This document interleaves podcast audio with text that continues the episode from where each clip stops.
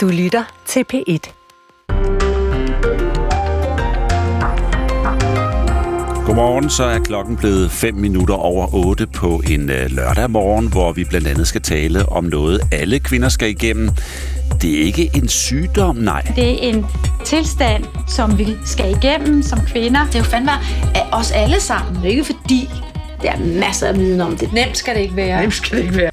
Nej, men den har et navn. Øh, overgangsalderen, den giver ikke bare hedetur og andre ubehageligheder. Den fører også til et hav af sygemeldinger, som koster samfundet mange penge. Derfor skal vi blive bedre til at tale om overgangsalderen, mener tilrettelæggerne i hvert fald bag en ny programserie, som vi taler med lidt senere. Vi skal også rundt i verden. Vi skal både til øh, USA og til Rusland, hvor de varmer op til præsidentvalg næste år. I øh, USA der ser Donald Trump ud til at styre helt sikkert mod at blive det republikanske partis kandidat. Og dog, for hvis der er en republikaner, som måske kan tro Trump bare en lille smule, så er det Nikki Haley. Vi tegner et portræt og ser på hendes muligheder om cirka 20 minutter. I Rusland er der knap så meget spænding om, hvem der bliver præsident. Der er faktisk overhovedet ikke noget spænding. I går annoncerede Vladimir Putin, den siddende præsident, at han stiller op igen, og selvom mange er ret sikre på, at han vil vinde med cirka 80 procent af stemmerne, så vil han alligevel føre en øh, massiv valgkamp. Hvad han vil have ud af det, og hvad han kan bruge den forventede storsejr til, ser vi på halv ni. Og så skal vi også nyde noget af formiddagen i selskab med det her.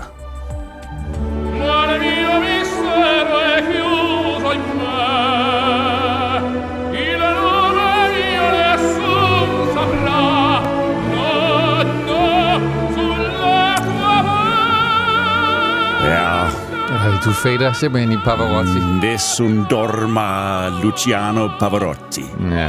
Italiensk opera, som nu har fået en særlig status. Ja, nu er øh, den kommet på UNESCO's kulturarvsliste, italiensk opera.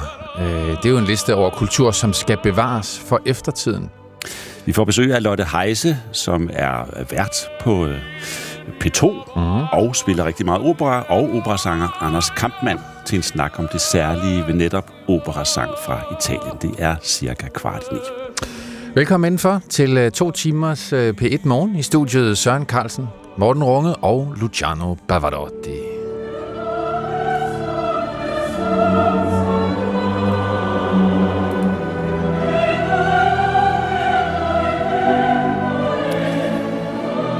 Selvom det var koret her. Der Ja, var der kommer han.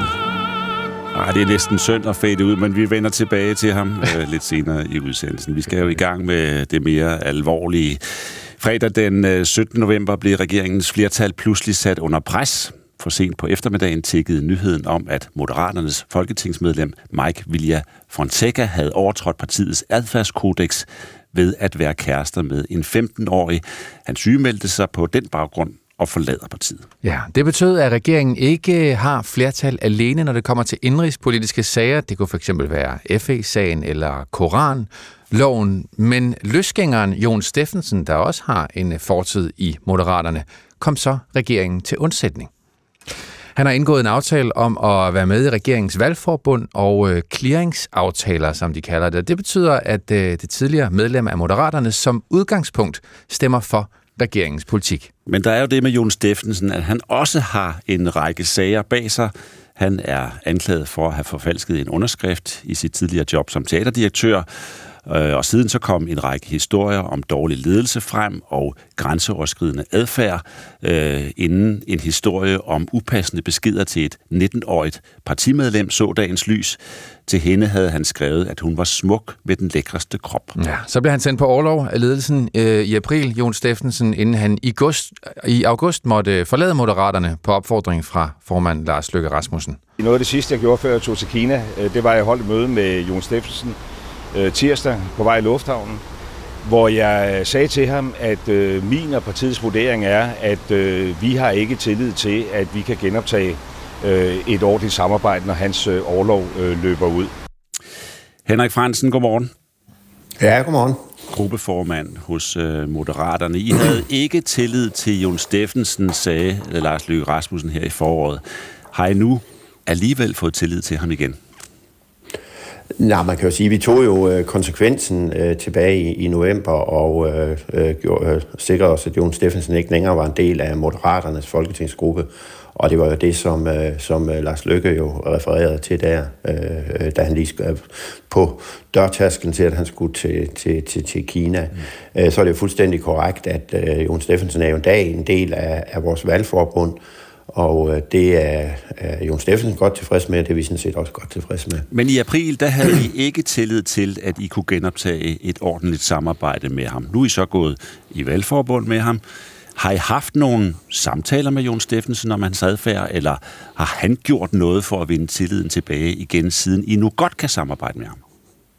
Ja, nu er det, når det er valgforbundet, vi snakker, så er det jo ikke øh, øh moderaterne alene, så er det jo faktisk øh, syv parter, det er de tre regeringspartier plus de fire nordatlantiske mandater.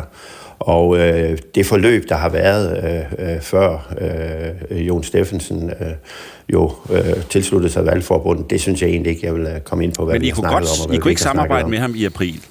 I dag kan I godt samarbejde med ham. Er det ham, der Jamen, har Jon ændret sig, er... eller er det jer, der har skiftet mening? Jon Steffensen har tilsluttet sig øh, vores valgforbund.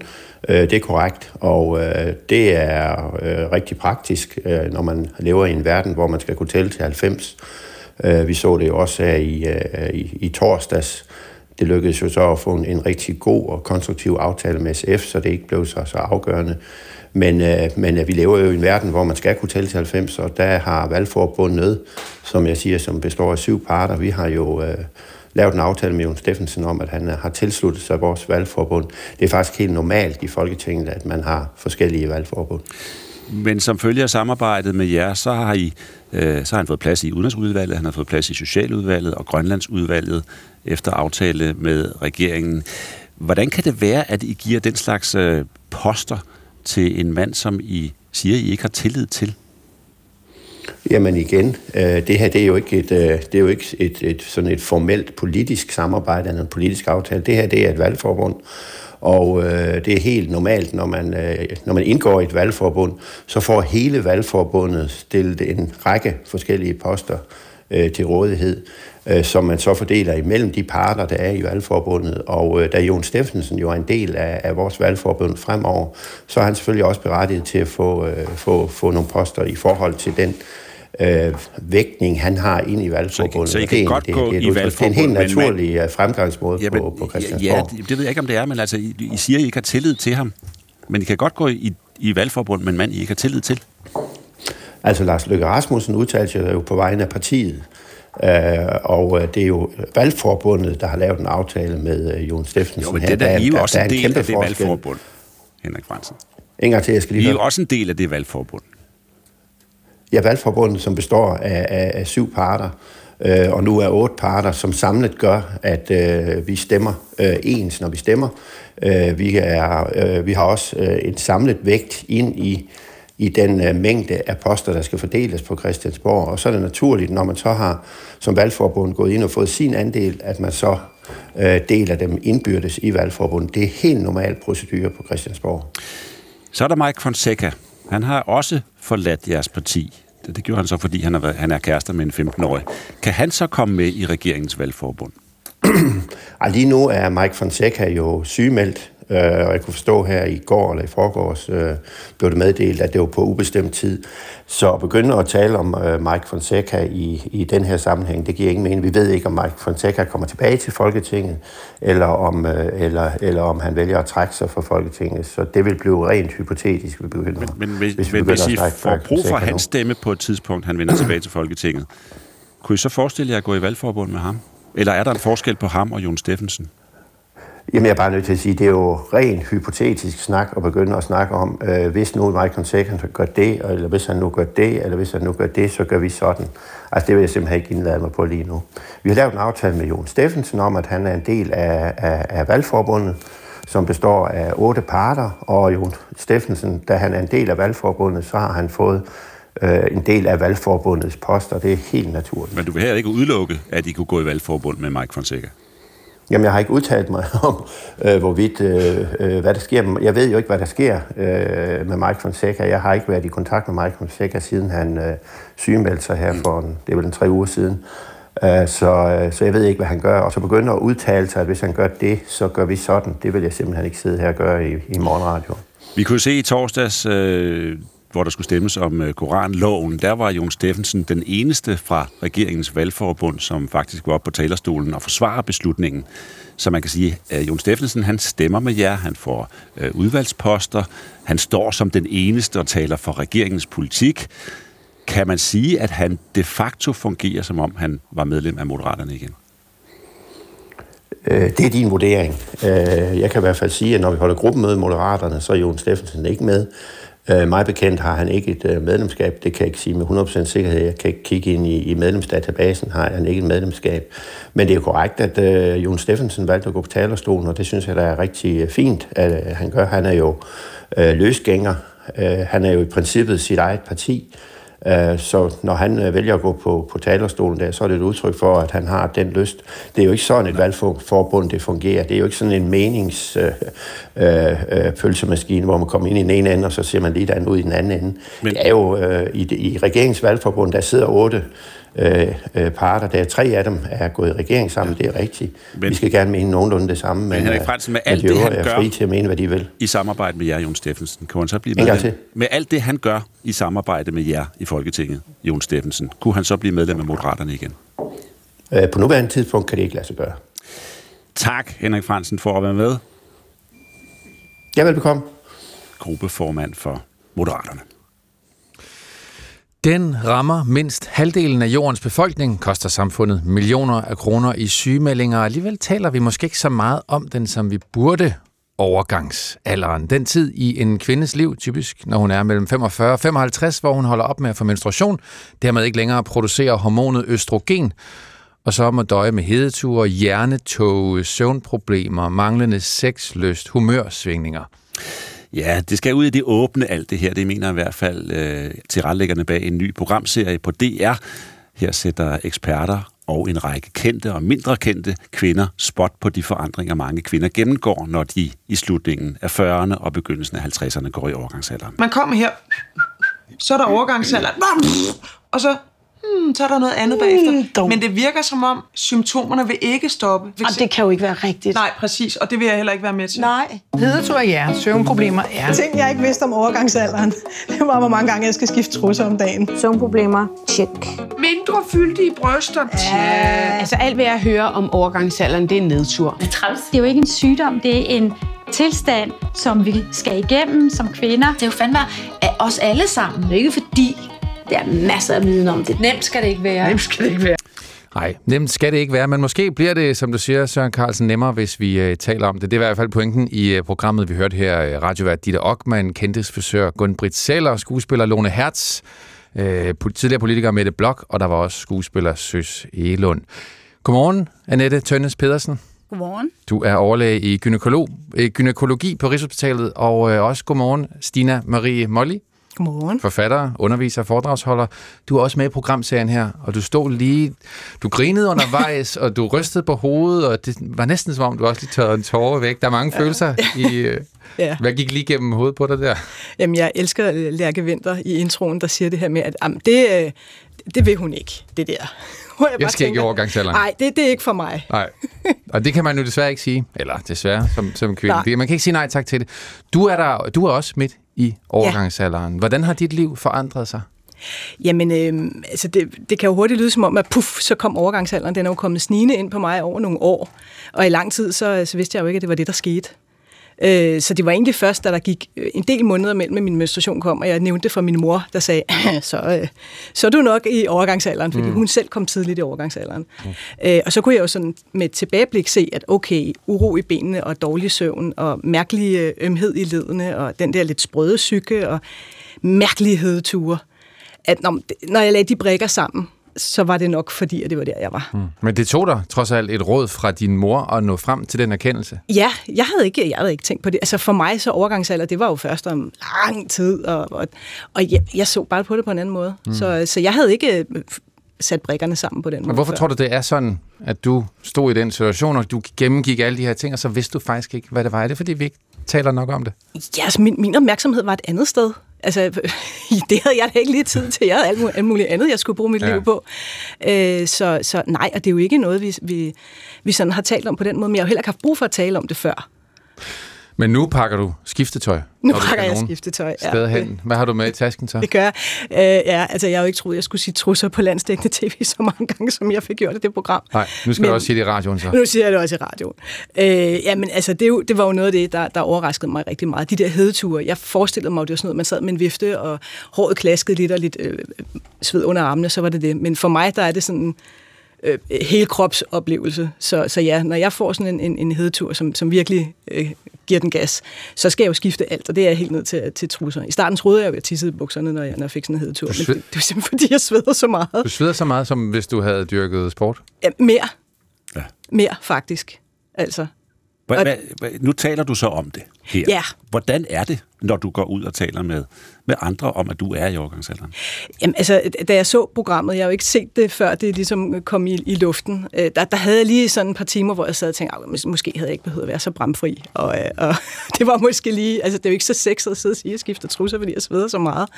Men, men jeg må bare sige, at min, min indbakke er blevet lagt ned af rigtig mange meget skønne kvinder, som skriver til mig og, og skriver, at det, det, gud, hvor kan de genkende det, og, og vi skal tale meget mere om det. Jeg synes, det er rigtig, rigtig vigtigt, fordi det skal jo ikke være, skal jo ikke være flot eller noget, vi gemmer væk. Det er jo, det er jo en naturlig proces, som, som, øh, som kommer. Mm. Annette Tøttes Pedersen, øh, du har i lang tid beskæftiget dig med øh, kvinder i overgangsalderen. Du behandler også dem, som er hårdest ramt. Du giver dem øh, hormontilskud, for eksempel. Hvordan vil du øh, sige, øh, vores evne er til at tale om overgangsalderen? Men den tror jeg ikke er særlig god. Jeg tror, at der er, der er mange, der har svært ved at tale om det, fordi det at komme i overgangsalderen er jo, er jo også et tegn på, at man bliver ældre, og hvem har lyst til at sidde og underholde om, at, at nu er jeg ved at blive gammel. Mm. Altså, så det, det, er jo ikke det, er ikke det fedeste samtaleemne, øh, sådan ved et almindeligt middagsbord, tror jeg. Øhm, og så også, som du siger, øh, der er mange kvinder, som egentlig ikke tænker på, at det her det er deres overgangsalder, fordi symptomerne på overgangsalder kan minde om så meget andet, der sker i vores liv på det der tidspunkt. Mange af de symptomer, man kan få i overgangsalderen med for eksempel søvnproblemer, tankemylder og hjertebanken, er jo nogle af de samme symptomer, man kan opleve, hvis man er stresset. Så der er mange kvinder, tror jeg, som går rundt og oplever i virkeligheden, de er arbejdsramte, stressede, Øh, og det er de måske også, men måske er det noget andet, måske er det overgangsalderen. Og hvordan oplever du, Annette Tønnes, at det påvirker kvinderne, at de ikke har nogen at tale med om det, og det ikke er fedt at tale om ved middagsbordet? Altså de kvinder, som jeg møder, øh, de er jo et skridt videre. De, øh, de har ligesom, øh, de har gået og, og set det andet. Øh, måske har de snakket med nogen, måske har de ikke snakket med nogen, men de har jo så taget det skridt i hvert fald, at de opsøger en læge. Så, så det er jo så dem, jeg møder. Så, så jeg, jeg, jeg, jeg er nok ikke den rigtige at spørge, for jeg møder jo ikke dem, som har svært ved at tale om det, eller har svært ved at erkende det. Øhm, men, men man skal jo ikke gå alene med noget, som fylder så meget i sit liv.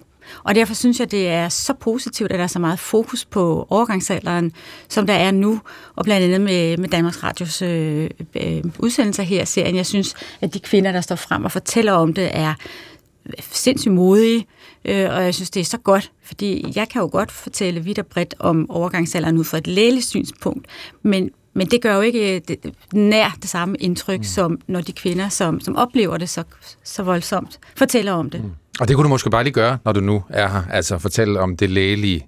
Kroppen holder op med at producere østrogen, og det, hvad er pointen med at udsætte kvinden for det her fra naturens side?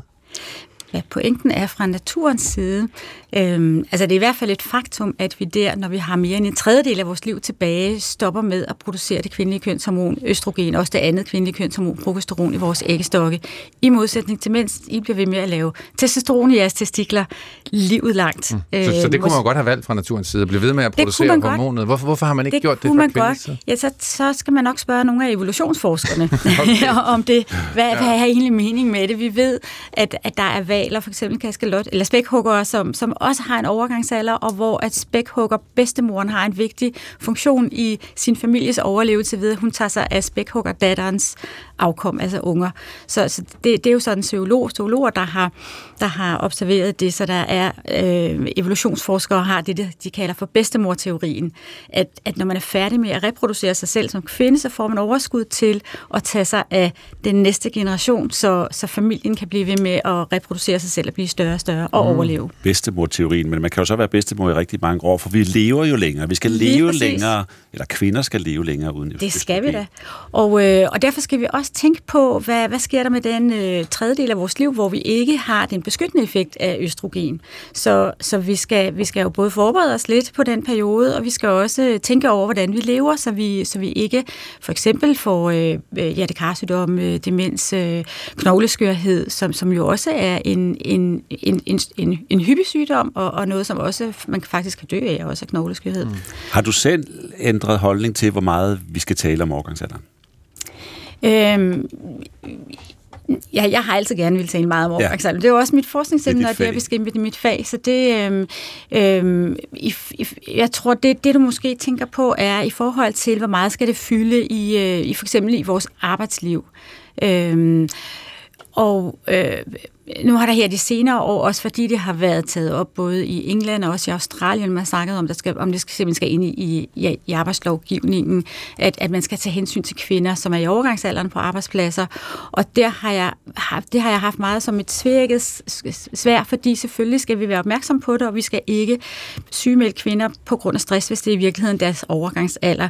Omvendt skal vi jo heller ikke stigmatisere, som vi har oplevet, at gravide kvinder er blevet stigmatiseret på en arbejdsplads. Det skal ikke være sværere for en kvinde i overgangsalderen at få et job eller beholde sit job.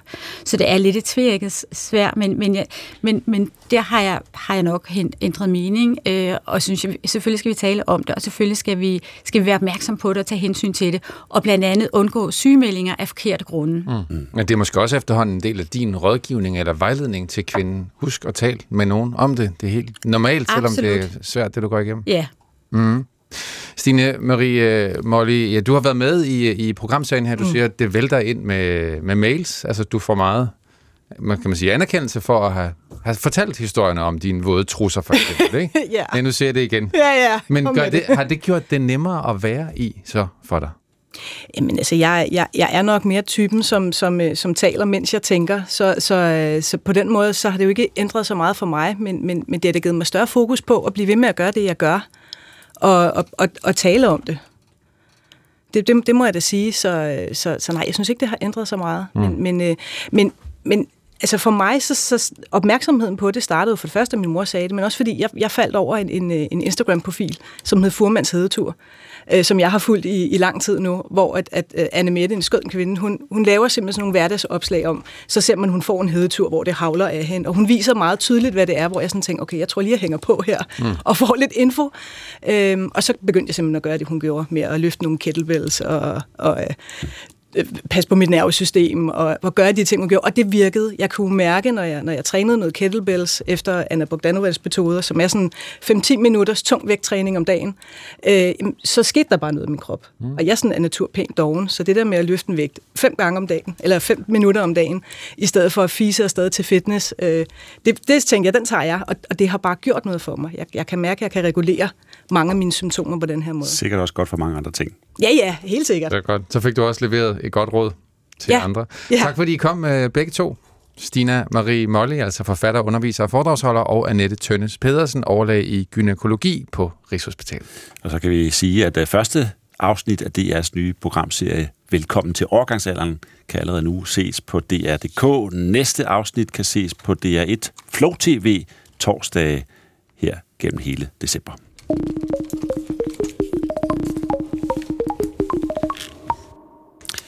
Hvem skal være demokraternes præsidentkandidat til valget næste år? Det er der ikke så meget tvivl om. Den siddende præsident Biden stiller op igen, og så plejer man at blive valgt. Mm. Det sker i hvert fald ofte, at man bliver genvalgt som siddende præsident. Men hvem skal være republikanernes kandidat? Ja, det er jo det andet oplagte spørgsmål, når man beskæftiger sig med øh, amerikansk politik. Hvis man ser på øh, meningsmålingerne, så er der heller ikke så stor tvivl der. Donald Trump, tidligere præsident, ligger længder foran de andre republikanske kandidater, men der er en, som af mange bliver spået bare en minimal chance for at kunne vippe Trump af pinden.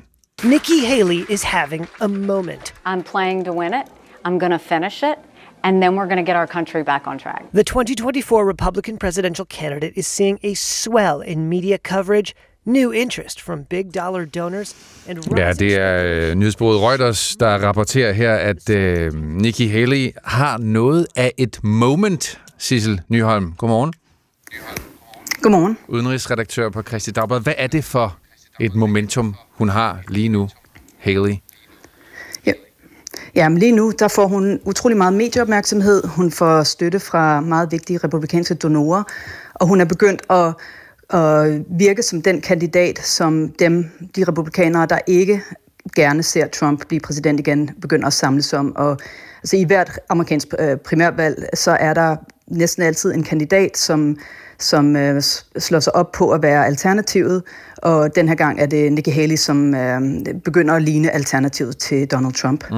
Og hvis vi lige gemmer meningsmålingerne et øjeblik, og chancerne og alt det der, ser på hende så som alternativ, hvad er det, hun vil med USA? Hun, vil, hun repræsenterer, eller vil, vil, vil i hvert fald gerne repræsentere et generationsskifte. Uh, hun er 51. Hun har sagt, at uh, man bør ikke, det bør ikke være nødvendigt, at man er 80 og en hvid mand for at, at sidde øh, for at være, være i det hvide hus. Um, hun repræsenterer, hun, hun har immigrantbaggrund, hun repræsenterer et mere moderne USA, og i modsætning til Trump, der repræsenterer hun noget mere roligt, mindre drama, øhm, mere kompetence, og øhm, så hun er, hun er den, der der på den republikanske side foregiver at ville forsøge at samle USA og, og kunne samarbejde med, med øhm, politiske modstandere og sikre, at USA øhm, bliver ledet af en, en mere rolig hånd, end hvad vi så i de fire år med Donald Trump. Mm. Du siger, at hun foregiver at kunne samarbejde. Hvad din vurdering? Altså, er hun bedre til det end Trump? Øh, ja, det er næsten en værd være bedre til end, end Donald Trump. Um, det var, han har mange politiske talenter, men, men, et af, men der, øh, ikke, ikke at kunne samarbejde med politiske modstandere. Um, så det vil, hun, det vil hun helt sikkert kunne gøre i, i højere grad end ham, og hun vil også kunne appellere til, ja, hun appellerer til dem, der, der gerne vil have en, en politisk leder, der ikke kun... Um, der, der ikke kun sviner sine modstandere til, men også kan række en hånd ud og forsøge at, at blive enige om nogle politikker, og øh, hvor USA skal hen i fremtiden. Mm. Og du er lidt inde på det, men kan du give et par konkrete eksempler på, hvad det er for nogle politikker, hun, hun vil føre USA ind mod? Altså hun er, altså hun er klassisk republikaner på, på den måde, at for eksempel er hun, øh, er hun abortmodstander, men hun siger også, at vi skal ikke, øh, vi skal ikke øh, kriminalisere abort og, og bure kvinder inden for at få en abort. Så hun er, du ved, hun er ikke, hun er ikke så, hun er ekstremist, vil mange mene, men hun er ikke ekstremistisk på den måde, at hun at hun vil, øh, ja, hun vil, hun vil have, at, at, at folk skal kunne bores inden for at, at få en abort, eller være med til at udføre en abort. Så hun er også meget, øhm, øh, øh, hun er meget imod ulovlig indvandring, øh, og det er også et problem, som, eller en udfordring for USA, som både republikanere og demokrater er enige om, der skal gøres noget ved. Øhm, men hun kan så trække på sin egen baggrund som øh, datter af immigrantforældre til at, ligesom at bløde lidt op og forklare, hvorfor det er, at det er vigtigt for hende, at ulovlig immigration bliver tøjlet. Øhm, så hun er, og så, på, så er hun en klassisk, øh, altså på, på det økonomiske område er hun en klassisk republikaner, der vil have balance i budgetterne. Øh, på udenrigspolitikken er hun øh, mere interventionistisk end, end Trump var, men hun, hun vil også kunne, hun vil også kunne appellere til, til nogle demokrater på, på, de, øh, på den måde, som hun vil føre amerikansk udenrigspolitik på. De republikanske kandidater, de øh, mødes jo indimellem i øjeblikket til øh, debatter. Øh, Donald Trump, han gider ikke stille op. Han siger, jeg ligger for langt foran, så jeg gider ikke øh, debattere med jer andre. men de mødes så, og udover Nikki Haley, så er det Ron DeSantis, Chris Christie og Vivek Ramaswamy, som debatterer. Og sidst, da kandidaterne mødtes til det fjerde møde af sin slags i den her uge, der gik bølgerne højt. Nikki is corrupt. This is a woman who will send your kids to die so she can buy a bigger house. This is the problem. Using identity politics more effectively than Kamala Harris is a form of intellectual fraud. Ja, der bliver virkelig gået til uh, Nikki Haley her. Hun svarer godt igen. Hvordan klarer hun sig i kampen mod de andre kandidater? Der klarer hun sig rigtig godt. Øh, når hun står på en debatscene, så er hun, altså hun, hun er den eneste kvinde i, øh, i feltet. Øh, hun har udstråling, og hun, hun udstråler øh, kompetence og ro, og hun har nogle gode replikker. Hun øh, trækker på sit, øh, sit køn. Øh, for eksempel så citerer hun Margaret Thatcher for at sige, hvis du vil have noget sagt, spørg en mand. Hvis du vil have noget gjort, spørg en kvinde. Øhm, og hun, hun, øh, hun svarer godt igen. Øhm, hun, grunden til, at de også angriber hende så hårdt, det er jo selvfølgelig, at hun er begyndt at få så meget opmærksomhed, så man angriber den, der, der begynder at få opmærksomhed. Øh, men hun svarer, hun svarer godt for sig, og hun, øh, hun udstråler øh, kompetence, og hun sørger også for lige at nævne, at hun er den eneste der i, op på scenen, som også har udenrigspolitisk erfaring, øh, hvilket også er vigtigt for en amerikansk præsident, især lige nu, når verden står i brand på mange, i mange forskellige dele mm. af verden.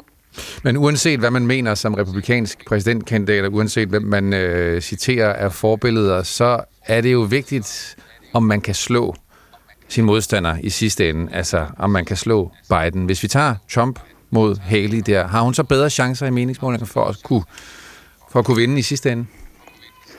Ja, altså der var, det, det er svært at sige på, på nuværende tidspunkt, der, der er alligevel lang tid til et valg, men der har, der har været undersøgelser, øh, en, en undersøgelse, som nogle af de store politiske donorer, øh, donorer har lavet, som viser, at i de der nøglestater, øh, de, dem som er meget vigtige for at kunne vinde øh, præsidentembedet i USA, der vil hun faktisk klare sig bedre mod øh, præsident Biden, end Donald Trump ville. Øh, men for at nå dertil, skal hun selvfølgelig først have opbakningen fra, øh, fra de republikanske primærvalgvælgere, og det er jo selvfølgelig der, den meget store udfordring ligger. Mm. Det betyder ikke så meget igen lige på nuværende tidspunkt, så om man har udsigt til at kunne vinde over Biden, når, når, når kernevælgerne der skal tage beslutning mellem Haley og jo, Trump? Altså, jo, det gør det. Øhm, hvis, øh, hvis hun kan få, få den fortælling frem, og hvis dem, der støtter hende, kan få den fortælling frem, at at øh, ved Donald Trump vil vi, vil vi tabe mod, og så vil Joe Biden blive præsident i endnu fire år. Øh, men med Nikki Haley, der vil vi vinde, og så får vi en republikansk præsident. Hvis hun kan få den fortælling frem, øh, så er det selvfølgelig et meget stærkt kort, hun vil have på hånden. Mm. Og hvis hun kan få noget, noget dækning for den påstand også, selvfølgelig. Sissel Nyholm, tak fordi du var med. Ja, selv tak. Sissel Nyholm er udenrigsredaktør på Christi Dagblad.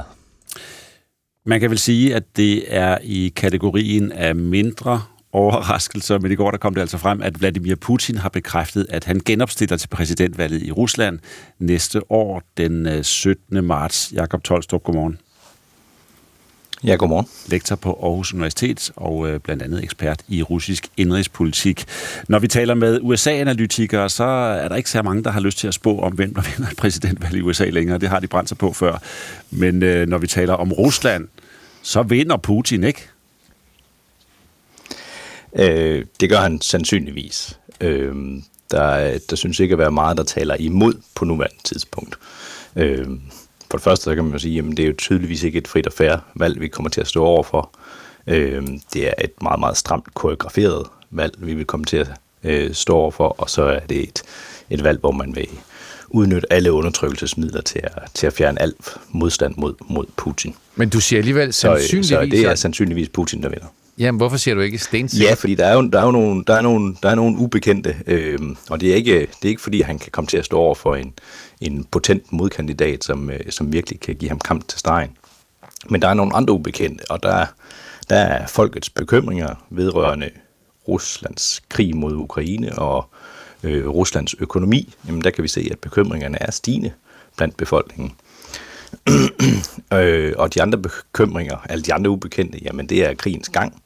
Og der kan man sige, jamen lige for, for, for øjeblikket, der, der ser det ud til at, at gå Putins vej, i hvert fald i forhold til, at der er stabilitet i kamphandlingerne, selvom han har store tabstal.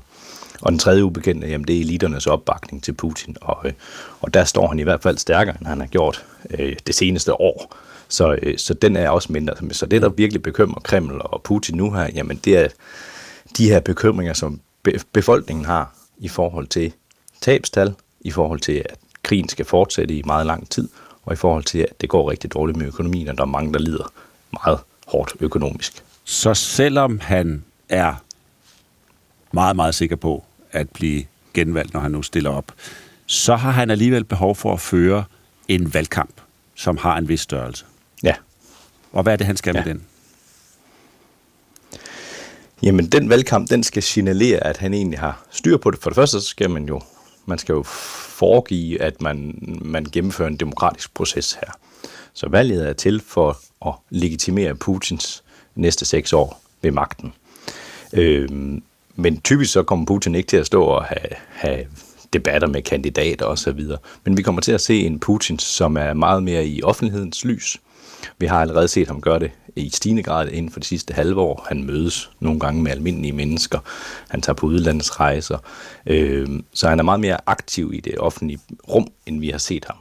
Øh, faktisk i de seneste par år siden corona, hvor han har isoleret sig mere og mere.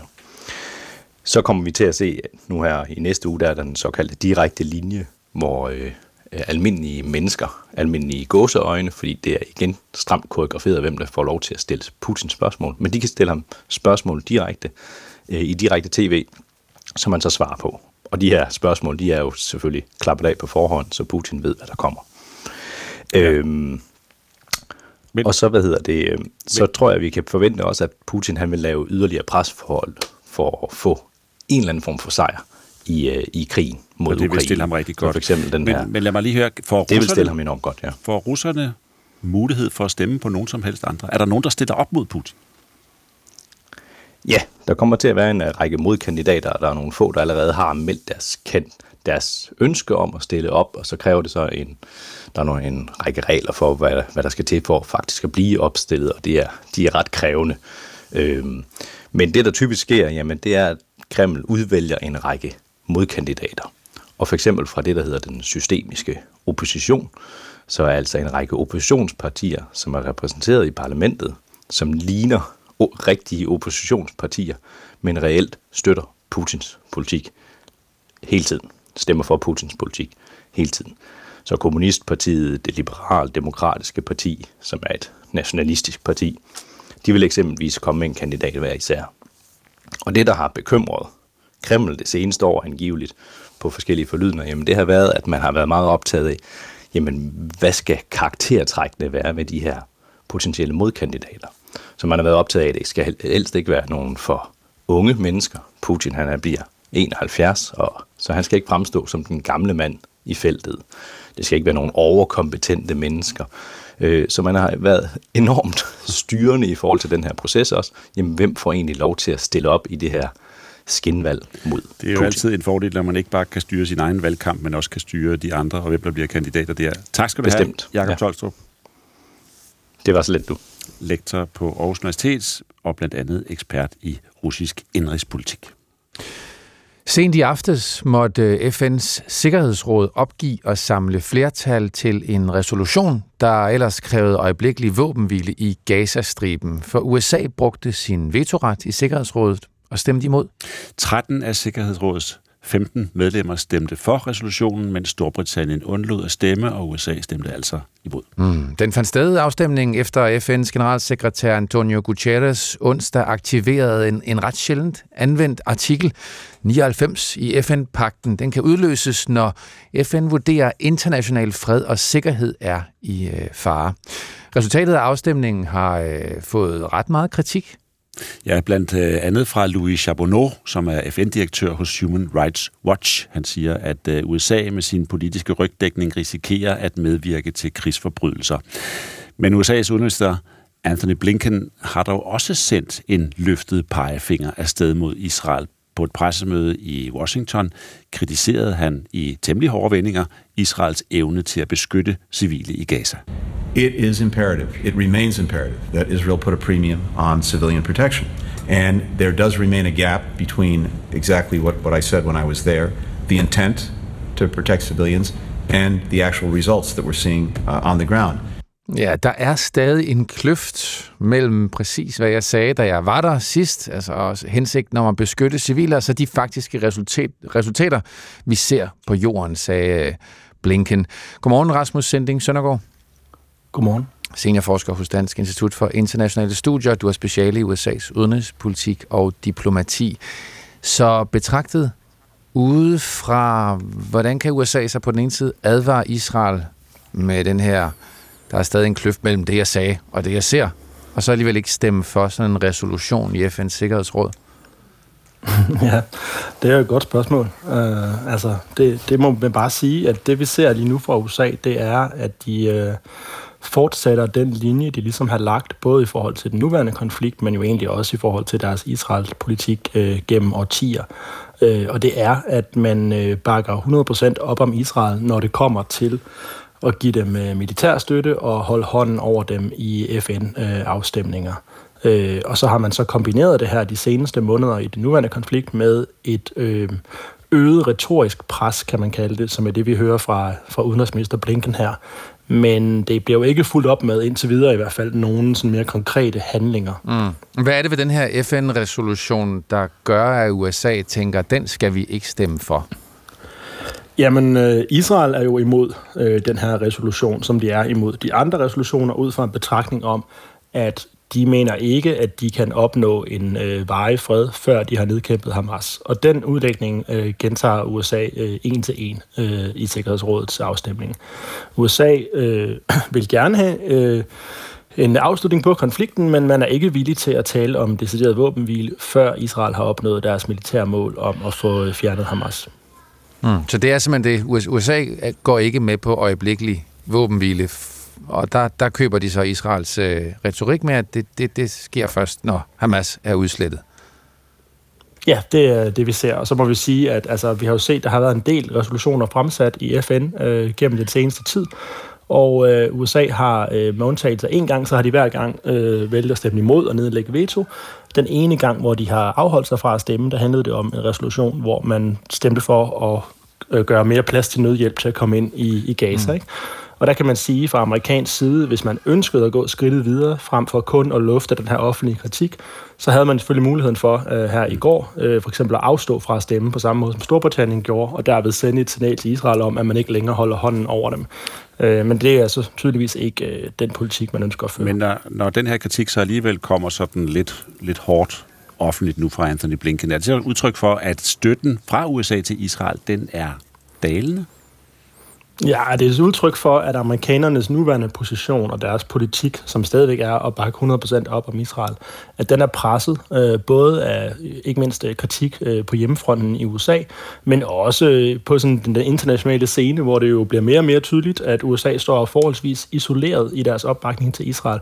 Øh, og derfor så føler man fra amerikansk side behov for at gå ind og offentligt og lægge pres på Israel. Det er klart, man har også gjort det bag lukkede døre. Øh, Biden er jo i jævnlig kontakt med den israelske premierminister Netanyahu, øh, hvor man formoder, at man også lægger pres på.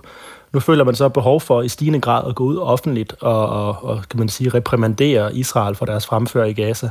Jo fordi man også ønsker at signalere både til hjemlige vælgere, der er utilfredse, men også til det internationale øh, publikum, at øh, man ikke er ukritisk i sin opbakning til Israel. Så det er en form for positionering, hvor man prøver at sende signaler både til israelerne, men også til omverdenen. Mm.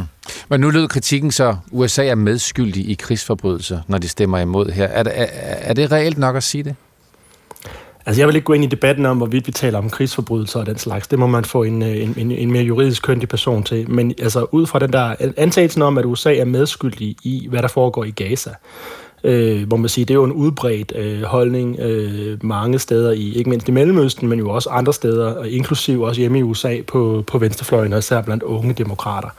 Øh, altså, der er jo ingen tvivl om, at lige nu øh, ejer Joe Biden den her krig, fordi han tog til Israel så hurtigt efter Hamas' terrorangreb og omfavnede Netanyahu og erklærede USA's uforbeholdende opbakning, og fordi man fortsat Altså, det er, på, det er jo langt hen ad vejen amerikanske øh, øh, bomber, der bliver smidt i Gaza. Altså, USA øh, forsyner jo Israel med en lang række øh, militære kapabiliteter, hjælper Israel på forskellige vis med de hangarskib, man har, hjælper dem i forhold til deres Iron Dome, altså med at skyde fjendtlige raketter ned, og så holder man hånden over dem i, uh, i FN, som vi så her i går. Mm. Så summa summarum kan man jo sige, at uh, der er ingen tvivl om, at USA gør Israels fremfærd mulig, og derfor er der rigtig mange, ikke mindst i Mellemøsten, som ser det som, at USA uh, ligesom er medskyldige for det, der foregår i mm. Gaza. Mm. Så en løftet pegefinger, det, det, det, det har han dog med, men ikke nogen øh, hammer den gode Blinken. Tak for det, Rasmus Sinding Søndergaard. Det er meget, der takker. Seniorforsker hos Dansk Institut for Internationale Studier med speciale i USA's udenrigspolitik og diplomati. Italiensk pizza er der allerede, men nu er også det her kommet på UNESCO's kulturarvsliste.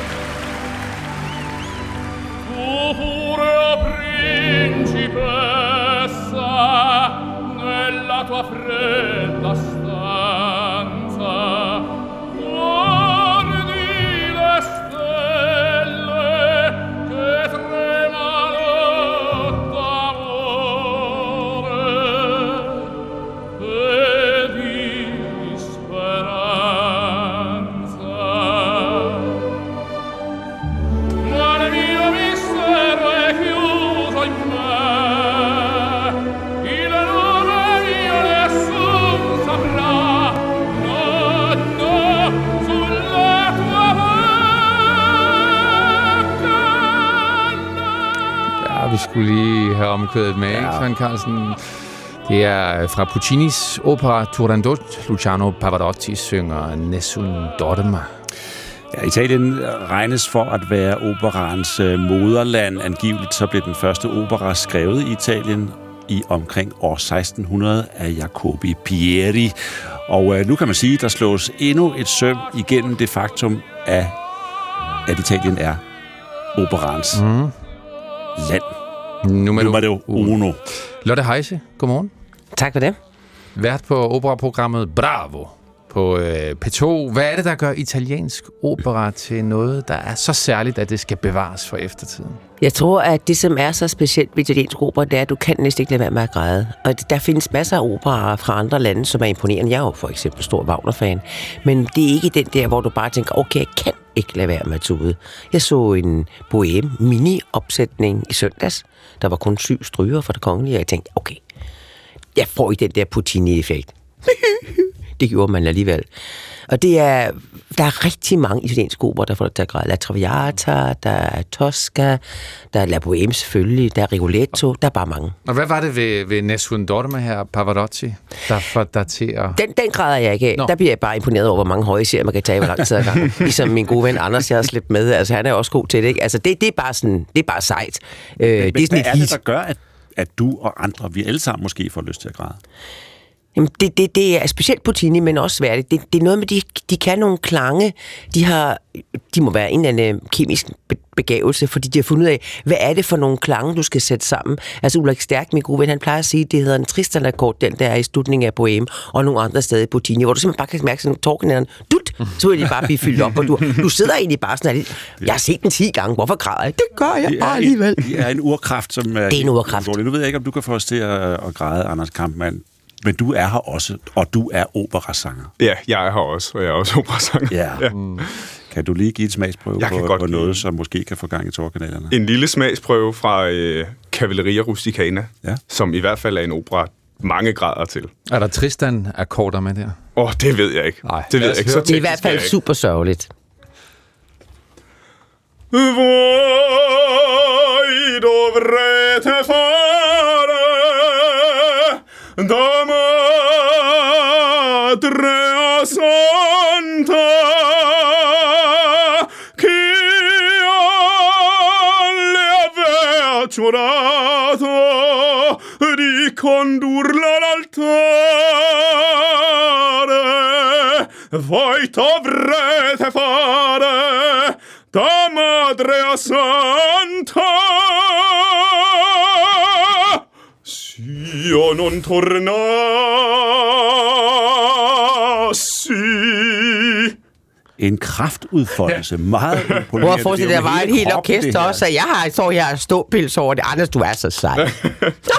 Det er sjovt at se det så tæt på. Ikke? Du ja, fylder jo meget. Du, du, du træder lige skridt væk fra Ja, så var I blevet døve. Ellers så havde vi været nødt til at skrue ned. Ja, er det det? Hvorfor valgte du det her stykke, Anders Kampmann? Og jeg synes, øh, jamen for det første er det et stykke, jeg snart skal lave øh, op på Helsingør Kammeropera, sammen med det næste stykke, jeg øh, giver en lille snas fra. Øh, jeg synes også bare, det er enormt rørende. Det er et stykke, der handler om jalousi og, øh, og trekantsdrama og, og, og død. Øh, altså, han mister livet, ham, øh, hvis jeg sang lidt fra, altså Turidu. Øh, han bliver simpelthen slået ihjel, fordi han er kommet til at forelske sig i den forkerte. Og lidt mere end at forelske sig, han opfører som en rigtig røvhul rent faktisk. Altså, men til gengæld er han et godt menneske, fordi han beder sin mor om at tage sig af hende. Det er, rigtigt. det er også rørende. Jeg prøver bare at bevare lidt sympati for min egen karakter. Ja, det bliver du også nødt til. Fedt nok. Men, men, men rent sådan sangteknisk, for det er virkelig imponerende at se dig arbejde med, ja, med, hele, med hele kroppen. Ikke? Øh, og, kræver det noget særligt, nogle særlige færdigheder at synge italiensk opera? Det kræver i hvert fald nogle særlige færdigheder at synge opera i det hele taget. Og man kan sige, mm, it, italiensk opera er jo den første opera, der blev lavet. Altså det er der, operan kommer fra, og så kan man oversætte det ud til alle de andre øh, øh, opera, altså tysk opera, og tjekkisk opera, russisk opera osv. Men det kræver, at man laver kroppen øh, om til en højtaler. Det vil så sige, at vi manipulerer de rum, der er inde i, altså vi manipulerer størrelsen på vores, øh, vores svæld, øh, blandt andet ved at manipulere struben og vores ganesejl og sådan nogle ting, sådan så kroppen fungerer som en højtaler. Jeg synes også næsten, der er forskel på din stemme nu, og så fra før. Ja, heldigvis. fordi du, kom, du, har, du har åbnet for noget. Ja, ja, det, nå, ja, det kan jo godt være. Også på talestemme, mener du? Ja, nu ja. hvor jeg hører dig igen her, efter du har sunget. Ja. ja. Mm. Lotte Heise, hvad, hvad, vi er jo lidt inde på det, men hvad er det typisk, hvis vi fokuserer på den italienske opera? Det er jo den, der står på listen nu. Ja, men det er også og den, der er mest uh, spillet. Ja, og hvad er det for nogle historier, den fortæller? Jamen, jeg tror, det som er vigtigt, nu for eksempel de her to, som uh, andre snakker om, der skreves op i Helsingør, det er jo det, der hedder Verismo, altså, eller Verismo, det er Puccini og øh, Leon Cavallo og Verdi, som begyndte på det med historier, der handler om almindelige mennesker. Det, det handler jo bare om helt almindelige fyr, som elsker en kvinde, men han skal lige i krig, og så da han kommer tilbage, så han skulle mm. gifte sig med en anden. Men han er jo stadigvæk forelsket i hende. Det kender og, vi alle sammen. Ja, så det, det handler om nogle gøjlere, der er fattige, der rejser rundt for at underholde andre mennesker. Noget skal de jo leve af. Og hovedpersonens kone, hun gider ikke det liv. Hun er forelsket i en ung bondemand, og hun vil meget hellere bare bo på en bondegård. Mm. Og så har hun gift med ham, den noget ældre, som Anders, som jo ikke er gammel, skal spille nu, øh, eller synge, hvor han har en ej, hvor han sidder foran gøjlerteltet og skal synge en ej om, at man bliver nødt til The Show Must Go On, uanset om man godt ved, hun stikker el om lidt. Der ender det også med, at det bliver dræbt over det hele. Det er dybt, dybt deprimerende. Du virker som en, der gerne vil synge den, Anders. Ja, jeg kan godt lige tage en, en lille snas fra den. Tramuta in lo spasmo il pianto. In una smorfia il singhiozzo e il dolor arrivi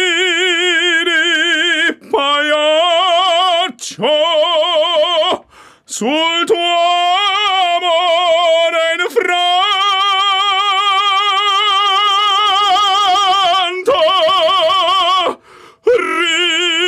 ridi le due che t'avvele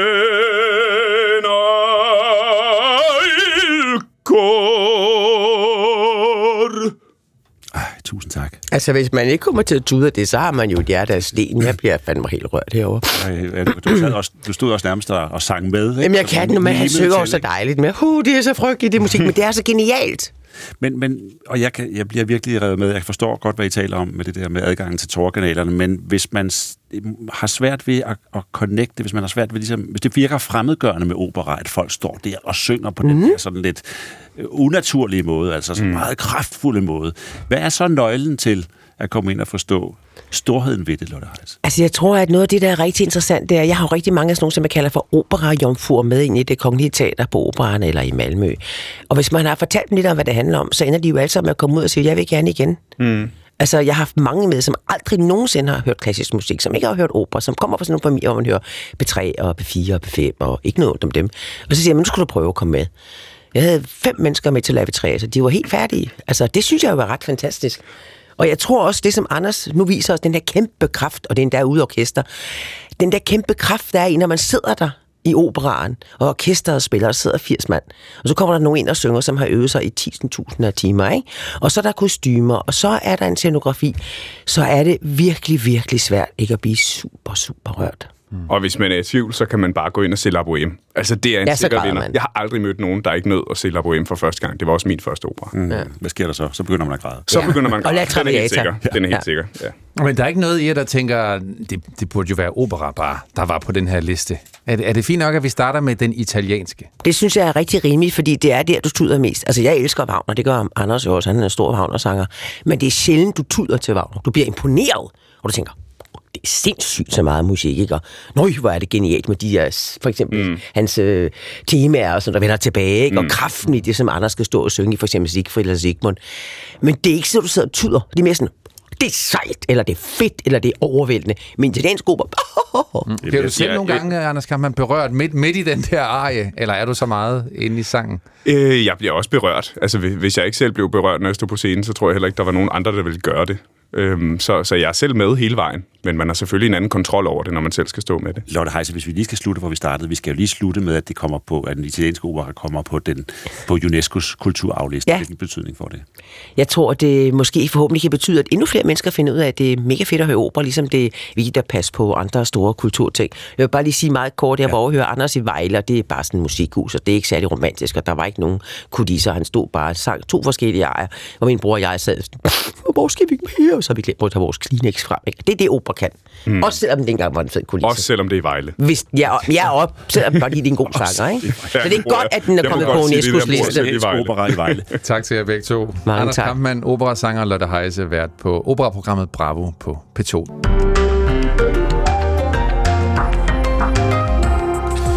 Agnes, Vicky, Ingeborg, Maud. Måske giver de fire navne mere mening, hvis vi lige skifter kendingen.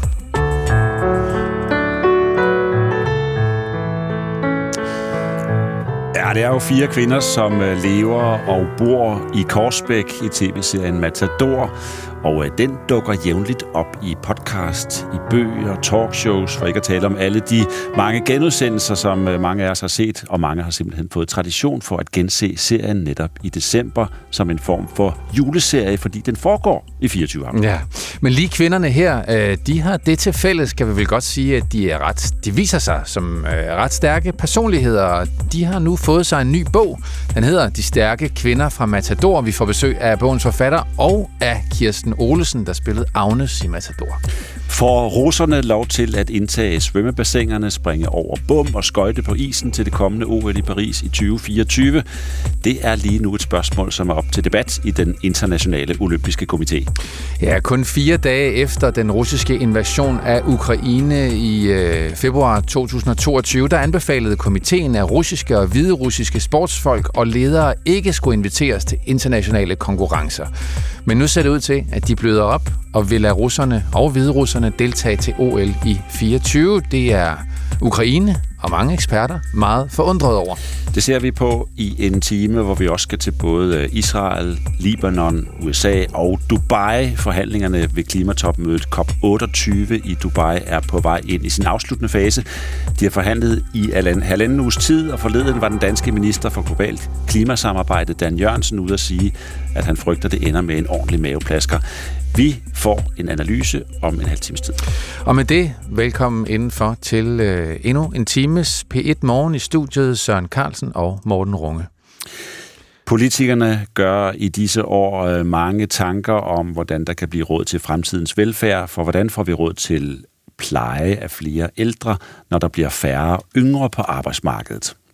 Og som om det ikke i sig selv kan blive svært at løse den problemstilling, så ligger der endnu en øh, bombe og truer under fremtidens velfærd, børn og unges mistrivsel. Ja, den kan få vidtrækkende konsekvenser, lyder advarslen i Berlingske fra Mads Kågaard, administrerende direktør i pensionsselskabet Danica. Hos Danica mærker man det nemlig allerede nu for hvert femte psykolog, psykologforløb, som pensionsselskabet sætter i gang for deres voksne kunder, skyldes mistrivsel hos kundernes børn. Mads Kågaard, godmorgen. Ja, godmorgen. Vi skal tale om de konsekvenser for fremtidens velfærd, som du ser at børn og unges mistrivsel kan betyde. Men øh, lad os først lige tage fat på det, som vi allerede ser nu. Hvordan er det, I hos Danica mærker, at flere børn og unge mistrives? Ja, det er jo sådan, at vi øh, laver pensionsordninger for virksomheder, og som en del af det, så laver vi sundhedsforsikringer til, øh, til medarbejderne, og dækker også deres familier, hvis de ønsker det. Og det vi kan se, det er, at øh, som I siger, at øh, hver 8. af de psykologforløb, vi arrangerer, det er faktisk for, for børnene af af medarbejderne, og det er faktisk også sådan, at hver femte psykologforløb, vi laver for voksne, dem laver vi, fordi der er mistrivsel med deres børn. Og hvad ser du så det som udtryk for? Jamen, jeg ser det jo som udtryk for, at vi har en masse unge, som, øh, som ikke har det særlig godt, og som øh, har brug for hjælp, og, og det er vigtigt, at vi, øh, at vi får taget hånd om dem, øh, så, så de, øh, de bliver i skolen, og så deres forældre kan blive øh, på arbejdet. Ja, I har så etableret en øh, familierådgivning, hvor forældre kan få hjælp til at tage hånd om deres børn, som ikke trives. Hvorfor har I ment, at det er nødvendigt? Jamen det har vi, fordi øh, altså vi, man kan sige, hele vores øh, sundhedssetup er bygget omkring, at øh, vi ønsker at forebygge, at øh, folk bliver langtidssyge og dermed ikke øh, kan være en del af arbejdsmarkedet. Og, øh, og vi kan se, at der er rigtig mange forældre, der har børn i mistrivsel, og de har brug for hjælp. De har brug for hjælp til, hvordan de støtter deres børn bedst, så vi øh, undgår, at børnene holder op med at gå i skole, for vi ved, hvis øh, vi kommer derhen, så, så holder de voksne også op med at gå på arbejde. Så det er hjælp til, at de kan arbejde med deres, eller hjælpe deres børn, og også hjælpe sig selv, så de alle sammen kan blive i en almindelig hverdag. Mm. Og Mads Kågaard, jeres tal viser jo også, at der er en, en, en udvikling her, fordi sådan så det ikke ud øh, for bare fem år siden, når du kiggede på jeres tal. Nej, altså vi kan se, at der er, der er en stor stigning i det her. Det kan man jo også se, hvis man kigger på de offentlige sundhedsprofiler osv., så er der rigtig mange tal, der viser, at de unge de har det væsentligt dårligere nu, end de havde for bare fem år siden. Og hvad er det for nogle tal hos jer? Jamen, det er jo antallet af, af unge, dels unge, og børn og unge, som bruger psykolog. Den anden ting, vi kan se, det er hos de, uh, hos de unge, der er på vej ind på arbejdsmarkedet, der kan vi også se, at der er en væsentlig stigning i, i unge, som faktisk bruger den her sundhedsforsikring til at få noget psykologhjælp. For fem år siden var det 16 procent af, af de behandlinger, vi gav til de unge på arbejdsmarkedet, der vedrørte psykolog, og nu er det 27 procent. Når du så øh, vælger at øh, gå ud i Berlinske og tale om det, du ser, så handler det jo også om det, Øh, vi indledte med at sige øh, udgangspunktet, altså vi ser ind i en fremtid, hvor en aldrende befolkning kommer til at mangle unge til at tage sig af den. Hvordan taler de unges problemer ind i den udfordring? Jamen det gør det jo sådan, at øh, når vi kigger på, øh, på, på vores kunder i dag, så kan vi se, at de kunder, som, øh, som har øh, diagnoser og har haft diagnoser med sig på vej ind på arbejdsmarkedet, de har, de har klaret sig generelt væsentligt dårligere i forhold til at forblive i arbejde. Og vi ved, at der er rigtig mange unge i dag, der får diagnoser, og derfor så kan man jo være bekymret for, at når, når alle de her unge de kommer ud på arbejdsmarkedet, hvis de kommer til at klare sig relativt lige så dårligt som dem, vi ser i dag med diagnoser, så er der jo en stor risiko for, at, øh, at der er en, en langt større del af dem, der i virkeligheden burde være i arbejde, som ikke kommer til at være i arbejde. Og det betyder jo så, at der er færre arbejdsduelige, og også der er flere sociale ydelser. Og det, øh, det kommer til at presse et allerede presset øh, velfærdssamfund. Er det en, øh, en udvikling, som, som ligefrem skræmmer dig? Ja, det synes jeg da, hvis, hvis, hvis vi ikke lykkes med at få, øh, at få hjulpet øh, de, her, øh, de her mennesker med at egentlig kunne have en, en almindelig hverdag. Altså det er jo både skræmmende sådan fra et samfundsperspektiv, men det er jo også utroligt trist for alle de mennesker, hvis det er, at, øh, at de ikke kan få en, øh, en helt almindelig god hverdag, ligesom alle os andre. Men kan der alligevel, Mads Kågaard, være noget selvforstærkende i den her fortælling? Altså, vi står og taler om en stigning i jeres tal for sundhedsforsikringer, og så bliver flere måske opmærksom på det, og så kunne det også være en del af forklaringen på, at det stiger. Jamen, jeg, jeg skal ikke udelukke, at, at noget af det her selvfølgelig også er, at vi gør meget opmærksom på, at man skal bruge sin forsikring. Fordi for os, så er det utrolig vigtigt at få fat i vores kunder tidligt, så vi kan hjælpe dem, og så vi kan hjælpe dem med at, at ligesom blive ved med at være i en almindelig hverdag, og ikke ende med at blive langtidssyge. Så, så der er nok også en del af de her tal, som kommer af, at vi selv er utrolig opsøgende for at være sikre på, at øh, så få kunder som muligt bliver syge. Men jeg synes, hvis man kigger på alle også offentlige statistikker, øh, så er der bare et tegn på, at, at der er større mistrivsel. Så du siger, at I som pensionsselskaber har faktisk en vis succes med at forebygge Ja, altså vi, øh, det er sådan, at vi, vi har prøvet at kigge ned på, på tværs af alle de kunder, vi har, og kigge på de kunder, som ligesom har hele den her sundhedsforsikring og sundhedspakke, som vi tilbyder med, med alt det forebyggelse, ligger i det, og vi kan se, at de kunder, der har den, der er cirka 15% færre langtidssyge, end de kunder, som ikke har den. Og det, og det er på tværs af 500.000 mennesker, så det vil sige, at der er relativt god hvad som signifikans for, at det her det virker. Og derfor er vi enormt optaget af, øh, hvis man siger, hvordan vi kan vi brede den her diskussion ud i hele samfundet.